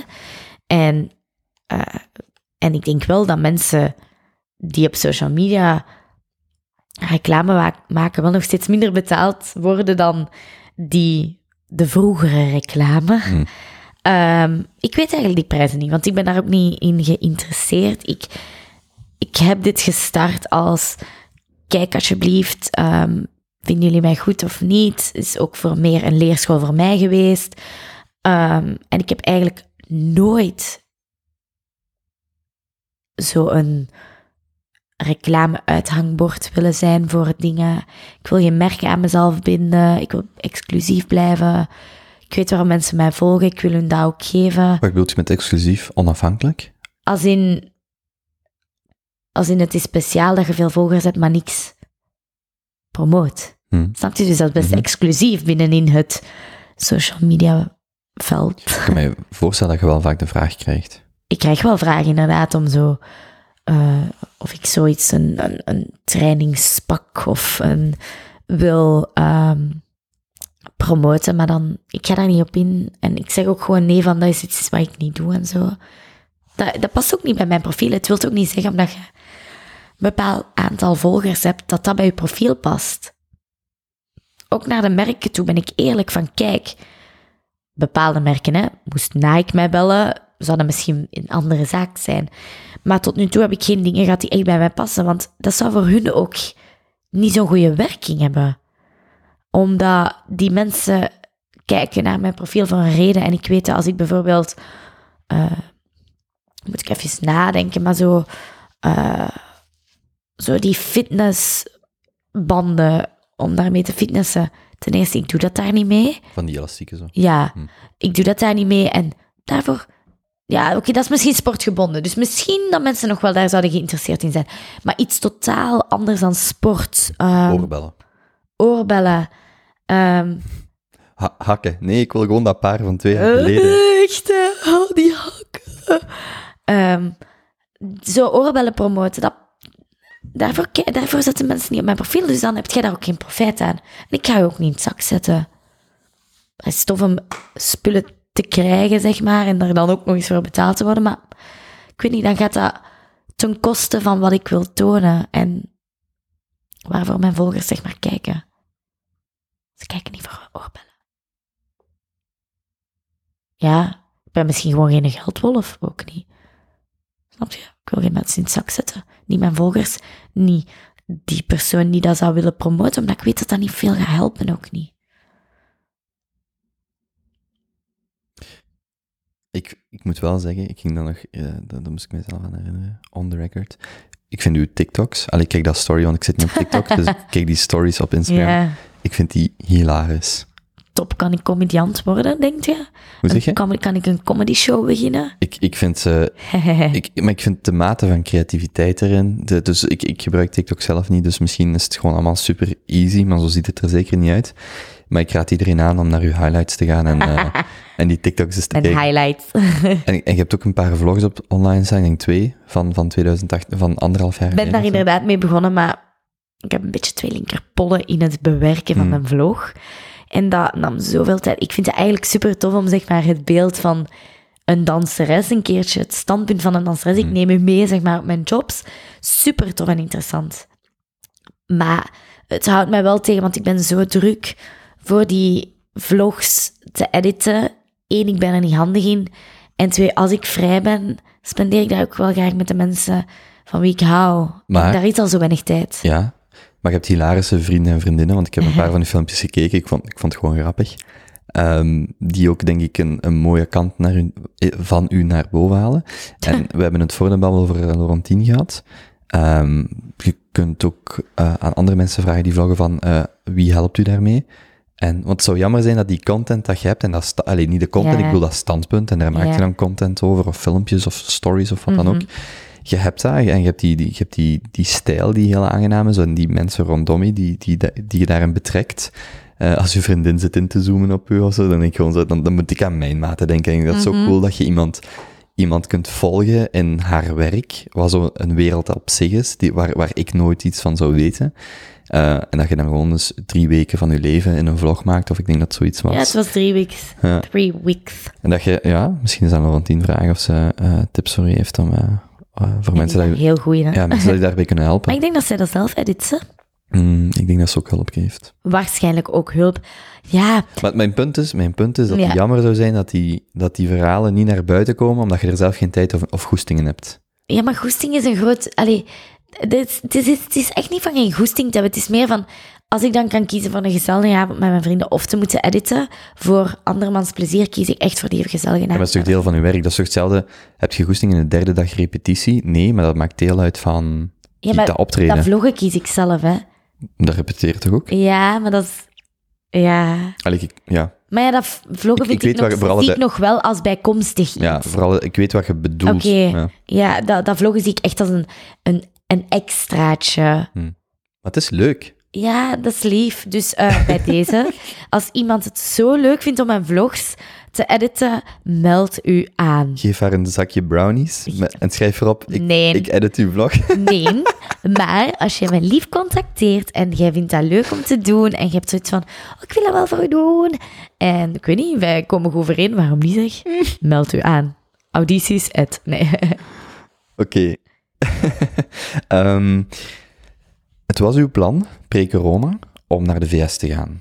Hmm. Meer bepaald, eh, wacht, niet eh, Los Angeles. Eh, of Ja, LA. Ehm, stel, morgen ligt corona, of stel, morgen komt dat plan terug naar de voorgrond. Hoe, hoe denk je daarover? Waarom, waarom de VS? Waarom die uitstap? Is dat een meerjarenplan? Hoe zit dat in je hoofd, die, die volgende stap in je leven? Ehm, de VS was iets, dus LA was iets waar ik in het begin van mijn carrière nooit heel erg heb ge- aan gedacht. Maar ik ben dan naar Amerika gegaan. Ehm, als je mij een beetje langer volgt, dan weet je dat.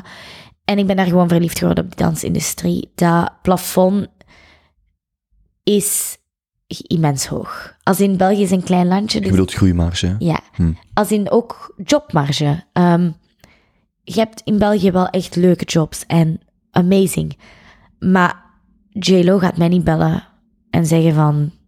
Hey girl from Belgium. Die gaat, dat wel doen als je, die gaat dat wel doen als je in Los Angeles zit. Nee, helemaal niet gegarandeerd. Maar de kans is groot. Maar je bent al dichter bij de bron. Hmm. En ik heb gewoon bepaalde dromen nog in mij die ik wil gaan doen. En daarvoor moet ik dichter bij de bron zitten. Is Los Angeles de stad voor dansers om naartoe te trekken? Ja, je hebt New York en Los Angeles. wereldwijd zelfs. Ja, dat vind ik wel. Toch wel. Ja. Ja. Je hebt New York en Los Angeles, beide een beetje op andere werkvlakken. Ehm, ik zie New York meer als de Broadway theater. Ja, meer die stijlen. En dan LA toch iets meer het soort van ehm, commerciële, die musicvideo's, die al de... Allee, ik denk ook wel dat dat in New York gaande is, maar vooral in LA. Eh, en de mensen in dat milieu doen dat ook. Ehm, dus dat, ja, dat zijn nog dromen die ik heb. En ik heb dat eigenlijk nooit... Ik was daar nooit mentaal ready voor. Ehm, en nu, stomme corona, was ik eindelijk zeg maar begonnen aan de stappen, de echtelijke stappen. Ik heb dat vaak, ik heb dat wel gezegd, maar om de stap te zetten, dat is nog iets anders. Hè? Vergeet dat niet. En ik ben nu ja inderdaad stappen aan het zetten en dat gaat kei eng zijn. En wie weet, lukt niks, hè. Lukt niks van wat ik hoop te bereiken. Maar ik wil niet leven met het feit dat ik later zeg, maar wat als ik dat toch had geprobeerd? Never. Oh, zo wil ik niet. Wa- Want je bent nu 26. Mhm, Pak dat dan nog. mhm. Pak dat dan nog. Ik word dit jaar terug 26. Telt niet. Ik heb dit jaar niet meegemaakt gewoon. Dus je wordt dit jaar terug 26. Maar dat wil wel zeggen, elke, je kunt het op elk moment van je leven doen, maar het is wel... eh, ik weet niet wat uw planning Het is tijd. Wel, Het is oké, het is een mooi moment. Het, nee, nou, tijd, tijd ga ik niet zeggen. Maar het is een mooi moment om te overwegen als ik die stap ga zetten. Inderdaad. Dus dit een mooi moment. En, en om, om ook op dat... Er is een essay wat, mij, wat echt mijn leven veranderd heeft. En dat gaat exact over hoe dat de plek waar je zit, wat voor een grote impact dat op je leven heeft. En dat als je bijvoorbeeld in de financiën wilt gaan, moet je naar Londen of New York. Als je in de kunst wilt gaan, Parijs. Als je eh, in, de, in de entertainmentwereld wilt gaan, Hollywood en bij uitbreiding Mhm. Los Angeles. En als je wilt ondernemen, start-ups naar Silicon Valley. Dus het- belang van uw omgeving op u. Dus ik vind dat super cool dat je daarmee zit, van, met dat idee al zit. En ook deels dat je die stappen al hebt gezet van, als ik die droom heb, of als ik die ambitie of wens heb om dat te gaan verkennen, en alles misschien na een jaar, het valt toch niet mee, mij, dat je dat toch gedaan hebt. En, ik, en, en het is vanuit dat perspectief van, ja, als, je dat, als dat uw achtergrond is, waarom zou je het nu dan niet doen? Je hebt, je hebt nog geen gezin, je hebt je, je vriendengroep zit overal, je, je hebt de energie en de tijd en je kunt nog eh, drie nachten zonder slaap, bij wijze van spreken, wat voor tien jaar al moeilijker gaat zijn. Dat valt wel. Nu Mm. tegenwoordig, als je 26 bent, is het ook al vermoeiend als je Ja. de, de nacht hebt doorgetrokken. is niet meer zoals de Hmm. 20-jarige stuiterbal. Maar het gaat nog. Je hebt gelijk. Het is inderdaad, het voelt voor mij nu ook als een goed moment aan. Hoe lopen dan die voorbereidingen? Hoe- Heel concreet, zo qua visie, hoe, hoe, zit dat, hoe zit gewoon dat, de week voor de corona, hoe zat dat plan in uw hoofd om naar de VS te gaan? Dus je moet een advocaat benaderen. Een advocaat moet zeg maar samen met u uw case kunnen aantonen aan Amerika van zij verdient een werkvisum, want zij is exceptioneel in haar eigen land. Laat haar alsjeblieft hier te werk stellen. Ze is echt amazing. En samen met die advocaat ehm, Dus toch een topdanseres. maakt, ja, in, in principe wel, maakt je een case aan. Je vult die aan met al uw ehm, contracten, informatie. Ah, is, bedoel, dat Je portfolio. ja, maar wel een hele, hele grote en specifieke. Mensen moeten brieven voor je schrijven, mensen waarmee je hebt gewerkt, aanbevelingsbrieven, ehm, objective letters, mensen die nog nooit hebben gewerkt, maar zeggen van, ja, ja, die zegt keigoed. Ik bedoel, daar kruipt heel veel Is werk dat in. een Amerikaans of een Belgisch advocaat? Amerikaan. Amerikaans, Ja. Ehm, en je betaalt die daar natuurlijk voor, hè? En dat is zeker niet gratis. Je vragen, was min of meer? Spreek over 5000, 10.000 euro? Ja, rond de tien. Louter en alleen om de aanvraag te doen. Dan weet je nog niet of je... Nee, Dus je droom begint al met 10.000 euro en dan zie je wel of... Oh, dat is gewoon... blut zijn hoor, na die 10.000. En dan moet ik weer wachten voor geld te sparen. Hopelijk echt sending in, the universe dat, het, dat mijn visa-aanvraag, als ik die inlever, aanvaard wordt. Want het kan nog zijn dat die wordt afgewe- afgewezen. En dan moet je weer aanvullen. En natuurlijk, bij aanvullen komen kosten. Dus ja, dit kan wel echt wel... eh, dit, het is wel echt een journey. Het is niet ik ga naar daar, ik boek een ticket en ik doe dat daar even. Nee. En dat visum is wel voor drie jaar. Ik denk dat dat een jaar is. Of een jaar. Ja, Ah, dat is eigenlijk wel heel spannend, hè? ja. Dus dat je dat... Maar ik, ik, veronderstel- ik ben eigenlijk nog niet zo ver in dat proces, zeg maar. Ik probeer mij te focussen op mijn informatie te verzamelen. En eens ik dat heb, dan weet ik... eh, ik ga binnenkort, ik heb een vriendin die dat daar woont, eh, ga ik ook eventjes met haar bellen natuurlijk. Ja, die woont er al zoveel jaren. Vijf, zeven, ik weet het zelf niet zo goed. Dat zijn elk jaar andere regels. Hmm. Ehm, maar inderdaad, ik weet niet hoe het zit met dat visum te vernieuwen. Het kan zijn dat dat voor drie jaar is, want dat klinkt eigenlijk logischer voor mij. Maar het kan ook zijn dat dat voor een jaar is en dat dat dan door bepaalde dingen terug kan aangevuld worden. Maar daar zit ik nog niet mijn proces. Maar het staat wel op uw levensplanning, min of meer, in de mate dat je die hebt van... In de VS zit een logische stap en ik wil die gaan, ik wil daarvan proeven, ik wil zien of dat, of dat iets is voor mij, maar ik wil het gedaan hebben. En ik, ik zal er alles aan doen, want misschien zeg je na anderhalf jaar dat je toch niet geaccepteerd wordt, en zeg je, oké, maar ik heb het tenminste geprobeerd. Maar dat is wel Gaat waarin... die ik balen, hè? Maar, Ja. dat, is Maar, dat gaat, maar dat gaat lukken, hè. dat moet lukken. Maar dat is part of life, hè? Je, allee, ik denk dat je gewoon meer spijt hebt in je leven van de dingen die, je niet- die je niet probeert dan dat je wel geprobeerd. Dan dat je wel probeert en gefaald misschien, maar je hebt het wel geprobeerd. Die onzekerheid van wat als, zoals ik daarnet zei, dat wil ik echt niet. Ik ben daar echt allergisch aan. Wat als, joh. Ik vind dat duidelijk leuk om op stiltes, zo even stiltes. Merkt je dat? Dan zeg, dan zeg ik zo nog graag iets. Ik kan ook stil zijn en ik heb het nu weer verbrod gewoon.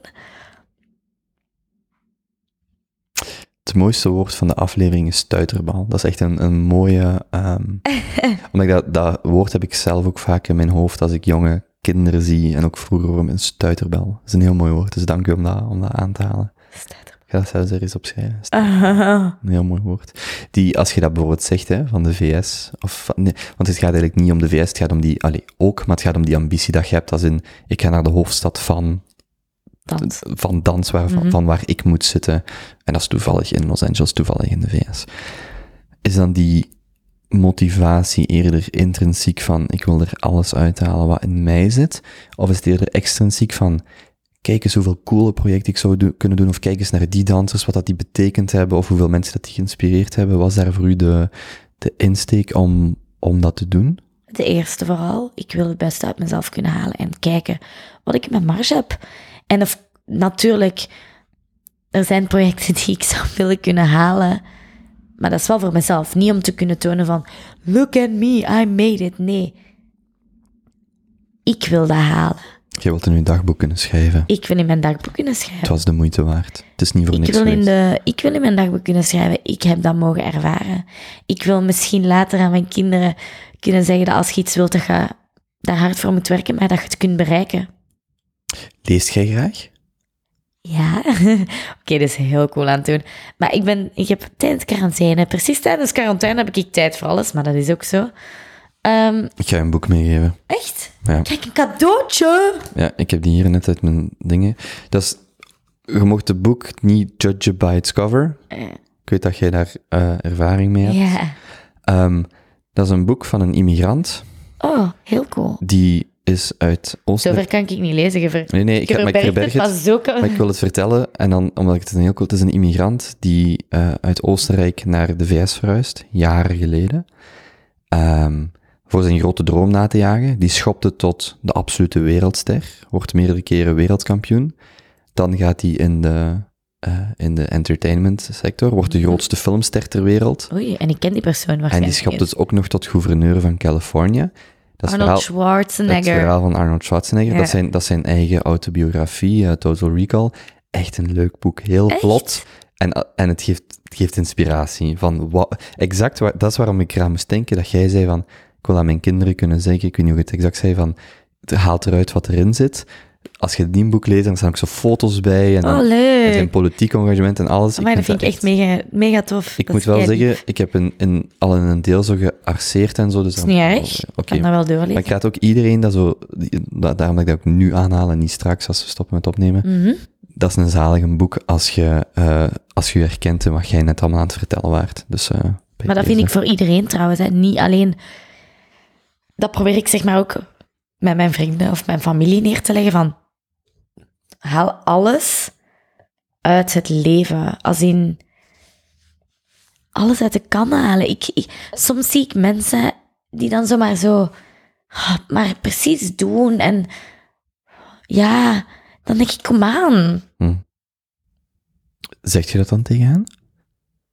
Of is dat Als ze iets- dichtbij staan, wel. Maar zo... Je, je bedoelt eh, figuurlijk, als in mensen, vrienden van u. Als in, ik kan bijvoorbeeld iemand die in de winkel werkt, maar dat is zo het cliché-ding dat je moet zeggen, maar maakt niet uit, kledingwinkel of, of hè, maakt niet uit, iemand die sociaal in contact komt met mensen, welke job dan ook. En ik merk aan de energie dat hij mij geeft, dat hij zijn job niet graag, of zij of haar zijn job niet graag doet, dan denk ik, waarom bent jij hier?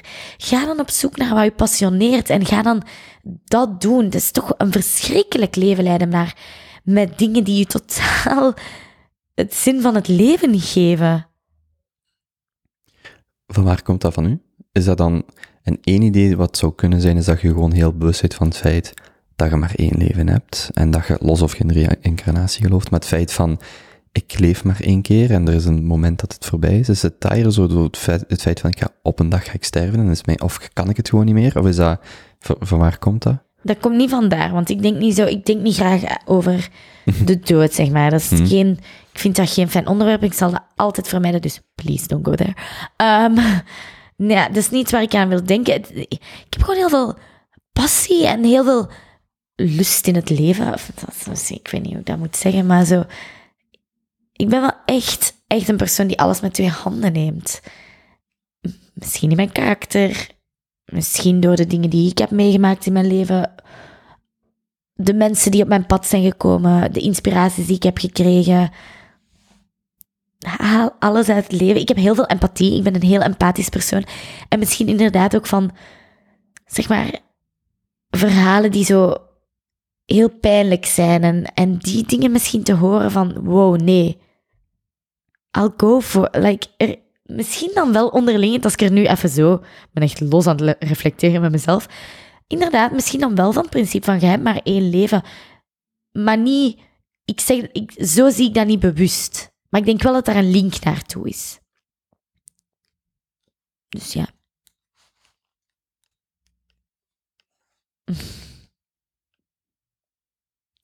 Komt er nog iets kleins? Was mijn best aan het doen om te blijven zeggen. Ze. Oh my god, deze stilte. Is dat wat uw eh, tatoeages voor u betekenen? Overlapt dat met wat je net zei? Mijn tatoeages zijn heel random. Ook weer typisch mij. Ehm, ja, nee, die, die betekenen vrijwel niks. Maar ik bedoel niet dat ze een betekenis hebben, maar overlappen die met een bepaalde, bepaald idee dat je over het leven hebt. En zelfs dat je zegt die zijn random, dat sluit, vind ik, heel goed aan bij alles wat je vandaag al gezegd hebt. Waar. Dus zelfs dat is... Impulsief, want impulsieve dingen brengen je op leuke en mooie plekken. Hmm. Of mooie tatoeages. ja, die representeren mij wel echt. Ik bedoel, ik heb laatst vijf tattoos gezet. Random, ik wist niet eens waar. Hoe? Op één dag. Ja. Ja. Gezet of laten zetten? Laten zetten. Zo cool ben ik niet. ik kan geen tattoos zetten. Staat je dan 's morgens op en je denkt, ik ga mij vandaag niet vervelen, dus ik ga vijf tatoeages zetten. Was het maar zo cool, dat zou ik nu gaan doen. Maar dat gaat niet, want tatoeërs zitten altijd vol. Nee, ik maak de afspraak. Ik stuur wel dingen die ik mooi vind, maar ik beslis geen plek. En eigenlijk geef ik vaak zo wat voorbeelden van, oh, misschien dat, maak daar iets van, of lettertype anders. En dan kom ik daar, heeft ze voorbeeldjes, dan beslis ik. Als ik alleen ben, kan ik wel goed beslissen, maar vaak... eh, ik ben wel een typische weegschaal. Wie kan weeg, wie kan weeg, wie kan weeg. Ik wil een impulsieve beslissing wel doen, maar af en toe, soms heb ik wel een bevestiging nodig. Dus dat wil zeggen, je pakt iemand mee. Soms, of dan begin ik te bellen, of is dit een goede beslissing? En dit soms, soms heb ik wel echt... Ik weet vaak wel wat ik wil, maar af en toe, dat tikkeltje bevestiging, Hm. heb ik wel nodig. Naar wie belt je dan? Of mag dat gewoon op? Zo voor tattoos, Charlotte. Degene waarom ik schilder, eh, mijn beste vriendin. Ehm, of, of ja, nog vriendinnen, hè. Uh, Diba, Shawnee, ik ga geen namen noemen, want je hebt daar niks aan. Maar vriendinnen, zo voor die impulsieve beslissingen, bel ik wel echt snel naar vriendinnen. Hmm. Ehm, mijn mama is niet van het impulsieve, dus ik weet als ik die bel, dan zegt hij, weer tattoos. Dus daarmee kan ik niet naar bellen. En die is ook zo snel ongerust. Dus een impulsieve beslissing van, zeg, mama, ik ga bungee jumpen. Ja, die zou mij dat totaal afraden. En dat heb ik op dat moment niet nodig, want dan kan het zijn dat die persoon mij zo over de schreef van niet doen trekt. PS, ik zou nooit gaan bungee jumpen, want ik heb zieke hoogtevrees. Maar dat is even het eerste wat in mij opkwam. Maar je snapt het idee, hè? Ik ben zo... Ik wil dan... Ja, speciaal persoon eigenlijk, hè? Raar mens. Ik heb... Ik weet wel wat ik wil, maar toch af en toe zo... Toch een bevestigingske. Is het moeilijk voor je om single te zijn? Nee. Wacht. Als ik het zo vraag en je antwoordt zo, dan komt dat anders over als wat ik bedoelde. Mm, Mist je iets als je single bent? nee. Allee, ja. Ja. Nee. Ja. Tuurlijk, je mist... ehm, als je single bent, ja... Maar ik sta niet op dat punt in mijn leven dat ik nu momenteel een relatie zoek. Dus mis ik nu iets? Het zou tof zijn om een lief en zo affectie en knuffeltjes zetel, maar ik hoef dat op... Ik ben gefocust op een andere baan momenteel. Dus mis ik nu iets? Nee. Maar dat klinkt heel raar, hè? Maar ik ben gewoon momenteel echt heel gefocust op mezelf. En ik vind eigenlijk die zelfgroei heel tof om mee te maken. En ik ben ook wel echt gegroeid in de jaren. En ehm, ik moest op mijn pad komen. Tof, fijn. Maar ik ben er niet naar op zoek. Ik ben niet die persoon van huisje, boompje, tuintje. Want we hebben over mijn previous plannen... Allee, we hebben previous over mijn plannen gepraat. Ehm, dus ik ben daar wel nu niet naar op zoek. Maar zoals ik zei, als dat komt, dan komt dat. Ik ga even kijken hoe licht het nog is. Ja, ik moet voor de donker naar huis. Hoe laat is het? Al laat? Het is vijf na negen. Moeten we bijna afsluiten? Echt? Ja, ik denk dat het bijna donker is. Hè? Ik moet er wel nog... eh, Hebben we nog tien minuten? We hebben nog tien minuten. Oké. ehm, je zei daarnet, ik wilde mijn dagboek kunnen schrijven. Eh, wat is echt wel, waar, wat heb jij in je hoofd waarvan je denkt, ah, dat, dat wil ik voor mijzelf, van, ik wil dat voor mij, toen zei je zei daarnet, dat wil ik voor mijzelf kunnen, ik wil dat doen of bereiken om dat voor mijzelf te kunnen doen. Wat zijn dingen waar jij naar, op, naar uitkijkt of opkijkt van, dat is het. Dat is waarvoor ik danseres geworden ben. Ehm, ik denk dat, dat wat je nu zegt, dat is het, dat dat ook met de tijd verandert. Dus op dit moment wil ik heel graag mijn droom in Amerika waarmaken.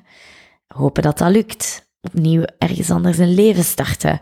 Mijn vrienden, mijn familie en vrienden hier moeten missen. Want dat is ook wat mij zo laat, laat tussen aanhalingstekens, naar daar brengt. Ik kon dat al voor deze leeftijd niet. Ik kon, ik kon, ook al was mijn droom zo groot, ik kon die mensen. Dit voelt nog steeds een beetje als achterlaten, maar bedoel, ik besef nu steeds meer en meer wat is twee, drie jaar van een mensenleven. Hmm. Ehm, en misschien als dat gebeurd is, dan verschuift. Dit is het. Snap je? Dat, dat verschuift mee, denk ik. Dat is zoals die piek die ik verschuif. Waar we het eerder over hebben gehad. Je krijgt nieuwe doelen en nieuwe, nieuwe insteken. Dus misschien als ik 50 ben, zeg ik: Oh, ik wil zo graag een grote dansschool om jonge dansers te inspireren. Dat is een ruime vraag, hè? Ik vind het heel mooi hoe dat ik, ik ga dit ook herbeluisteren, omdat ik wil weten of ik het goed genoeg geprobeerd heb. Maar ik vind het leuk dat ik probeer om u in de toekomst iets te doen zeggen van, ah, dat wil ik halen, of dat, of dat, of dat. Ik doe En dat niet, hè? En jij komt constant terug naar, nee, wat ik op dit moment, wat op dit moment correct is, en misschien is dat, of, allee, of goed voelt. Waarschijnlijk is dat een soort van bescherming van... Als je dingen uitspreekt, worden ze reëel natuurlijk. Ehm, ik, ik heb dat heel veel geleerd, of naar mezelf toe. Ik weet niet, een soort van beschermingsschild van als ik zeg van... Ik wil voor J-Lo dansen en dat lukt niet. Hoe gedesillusioneerd ik ga zijn als dat niet lukt. Daarom hou ik eigenlijk mijn opties open. Ik wil mijn droom waarmaken in Amerika, maar ik hou dat best wel open. Mm. Want wie weet, over twee jaar is er een nieuwe artiest die ik nog niet ken, maar dat dat, dat, dat mijn droom wordt. Ja, ik wil graag voor een grote artiest een wereldtournee doen. Ik wil graag een videoclip doen. En ik wil graag. ehm, eh, dat zijn eigenlijk twee grote dingen die, die ik zeg maar heb op mijn bucketlist staan. Een wereldtournee doen en een internationale videoclip kunnen dansen. Maar ik wil mijn opties wel open houden. En me niet zelf in een hokje plaatsen. Dus ik snap wat je bedoelt. Maar ik weet niet of dat er bescherming is of eerder van mijn ogen open willen houden. Geen kleppen opzetten. Het is goed om een doel te hebben. Maar als je kleppen op hebt, op hebt zie je soms langs de zijkant niet wat er ook voor u ligt. En dat wil ik niet voor hebben. Snap je? Of vinden dat echt niks klinken? Ik vind dat heel volwassen klinken. Ah, dank u. Jee. Als in, je gaat toch 27 worden, niet nog eens 6. Het klinkt eh, volwassen. Nee, ik vind, dat, ik vind dat ook heel leuk om... eh, ik, zie, ik zie, daar hadden we het voor een babbel ook een beetje over, zo die... Bijvoorbeeld mensen komen u tegen op Instagram of zo, en die maken automatisch een beeld, of op straat zelfs, een beeld van u. Ehm, en ik vind dat heel leuk om binnen mensen ook de, de, de tegenstellingen, maar ik bedoel dat niet, ik bedoel dat niet zo, zo, zo zwaar, maar zo... Je hebt misschien, iemand vormt zich een beeld van u, van die weet... domme blondje. Mm, Mocht het zeggen, hè? De, de blonde danseres, misschien niet al te veel inhoud. Je bedoelt dat toch? eh, ja, voor mij niet. Ik kan me goed voorstellen dat dat, dat, dat iets is wat mensen denken, maar daarin, bij mij gaat het meer om, ik zie u... ah, Oké, hier is mijn voorbeeld. Toen jij binnenkwam, zei ik, ik ben vandaag nerveuzer dan anders. Ja. Dat had niet per se te maken met het dom blondje, integendeel, maar dat gaat erom dat, je dan, dat ik mijzelf in mijn hoofd heb. Ik zat in de week ook bij een politicus, bij Theo Franke, en daar had ik iets gelijkaardigs van, ik voel mij meer gestrest dan dat eigenlijk nodig is. En dan denk je daarover na, maar waarom is dat eigenlijk? En dus in uw geval, Mhm. ja, waarom is dat? Deels omdat, omdat, je dat, omdat je, ik, ik die indruk heb van die weet waar dat hij mee bezig is. En ook al, ik heb Eigenlijk is dat niet zo. Nee, ah wel. I'm Dus, just doing something. maar, maar dus dat is het zot, hè. Ik heb al 130 van deze babbels gedaan. Als ik er één ding van leer, is dat heel mensen doen wat ze denken dat ze moeten doen. En sommigen hebben daar gewoon op een of andere mate naar buiten toe een, een illusie van succes in de vorm van 140.000 volgers of bepaalde films of wat dan ook. Dus ik weet dat rationeel, maar toch emotioneel voel ik mij meer gestrest van... En het is, dat, wat- het is dat wat ik bedoel. Dus die perceptie. Voor de ene is dat misschien dat dom blondje, voor de andere is dat die madame die alleen danst en niks anders doet met haar leven. En voor mij is dat meer zo van, oh wauw, die weet misschien keigoed waar dat hij mee bezig is, of zo lijkt dat. Die heeft een mate van succes, een tractie, die doet iets graag en die kan daar ook haar eigen kwijt. Eigenlijk eender wat iemand zegt, dat laat zijn, zijn of haar eigen onzekerheid, toont dat niet, dat heeft niks met u te maken, of weinig met u. Maar dus, dus, dus die tegenstellingen tussen was mijn beeld van iemand en wie is die persoon echt? En ik vind dat, dus om terug te komen op wat jij zegt, het is, is niet dat dat, dat dat vreemd is of zo, of raar, maar heel mooi dat je zo, ja, dat je een idee van iemand hebt of een beeld, en dan laat je die aan het woord, of dan hoort je die een verhaal vertellen, en dan merk je dat dat eigenlijk, Bijna niet strookt. ja, ja dat, dat je eigenlijk altijd positief verrast bent van mensen als je maar de moeite neemt om die ook eens gewoon van, hoe is dat voor u? Hoe, Hoor ik daar een onderliggend compliment? Eh. ik hoor hem, ik aanvaard hem. Ik probeer het, ik aanvaard het. Ik vind het super cool. Ehm, Dank je. Dus ja, misschien is dat een mooie noot om, eh, om op te eindigen. Want het begint nu ook inderdaad donkerder te worden. Weet het. Mag ik u misschien vragen, als uw plannen voor de VS doorgaan, Mhm, wanneer dat ook is, mhm. om ervoor nog eens terug te komen, om te praten over al uw VS-plannen? Tuurlijk, super tof. Oei, maar dan moet ik die al definiëren. ja, ik, met dat ik de vraag Dat stel, is wel ik, gek, hè? met dat ik de vraag stel, denk ik... Misschien moet ik ah erna is- komen. Of, er, ja, Of zo erna. in between. Want ja, ik ga sowieso moeten terugkomen. Ik heb weer familie Ja. en vrienden die ik graag zie. Dus ik ga niet weg. eh, drie jaar, ciao. Ja, in between lijkt mij zalig om te horen In between. hoe het Dat met u gaat, terwijl, terwijl je uw droom Wie aan weet het ben ik helemaal bent. depressief, omdat het niet lukt. But dan zullen we dat ook weer zien, hè? Ja, maar als je depressief bent, dan zullen er minder stiltes zijn. Dan gaan we gewoon vlotjes babbelen. En als je extatisch bent, dan Ook geen stiltes. een beetje om je te laten vertellen. ja, dat is waar. Oké. Jill, eh dikke merci. Ik vond het heel aangenaam. Eh, en eh, ja, ja, ik zou zeggen, blijf zeker die TikToks maken. die zijn hilarisch. En succes om nieuwe of dezelfde hakken te vinden. Ehm, Oh, ik had die hakken. ja, Toch nog eens moeten mentionen, hè? Ik vind dat echt zalig. Toch nog Ik eens. vind, ik vind die details van mensen... Ik zal ze volgende keer eens meenemen. Ik ga ze niet weggooien voor u. Ik ga ze u laten zien. Ik, ja, moest je ooit, denk ik, gooi die weg. Oh ja, kom Dan- ik ze hier brengen. Nee, nee, dan koop ik ze. Koopt je ze? Ja, ja, ja. Dat is een beetje freaky wel, maar Nee, ja, nee, ik een beetje wacht. raar wat Wow. je nu zegt. Nee, nee, oké, wacht, wacht, wacht, wacht. Nee, nee, oké, wacht, want ik ga dat niet, ik kan nu niet afronden. Ik heb een, ik heb een ding, ehm, niet met hakken, maar ik, ik koop graag dingen van vrienden. Zeker Oké. als die op het punt zouden staan van, ik ga dat wegdoen, dan zeg ik, nee, nee, nee, ik geef u wel 50 euro of 100 euro, whatever, omdat dat centraal staat voor u, dat representeert iets. Dus het gaat mij niet om die, die Nee, nee. stinkende oude hakken per Nee, se, die zijn vuil. Oké, ja, maar het gaat mij om wat dat representeert. En, dat is eh, mooi. Dat is leuk. Van daaruit. Cool, cool, cool. Goed, Ja, dank u. Ik wil u ook bedanken. Het was een heel fijn gesprek. Jill, tot de volgende. Tot de volgende.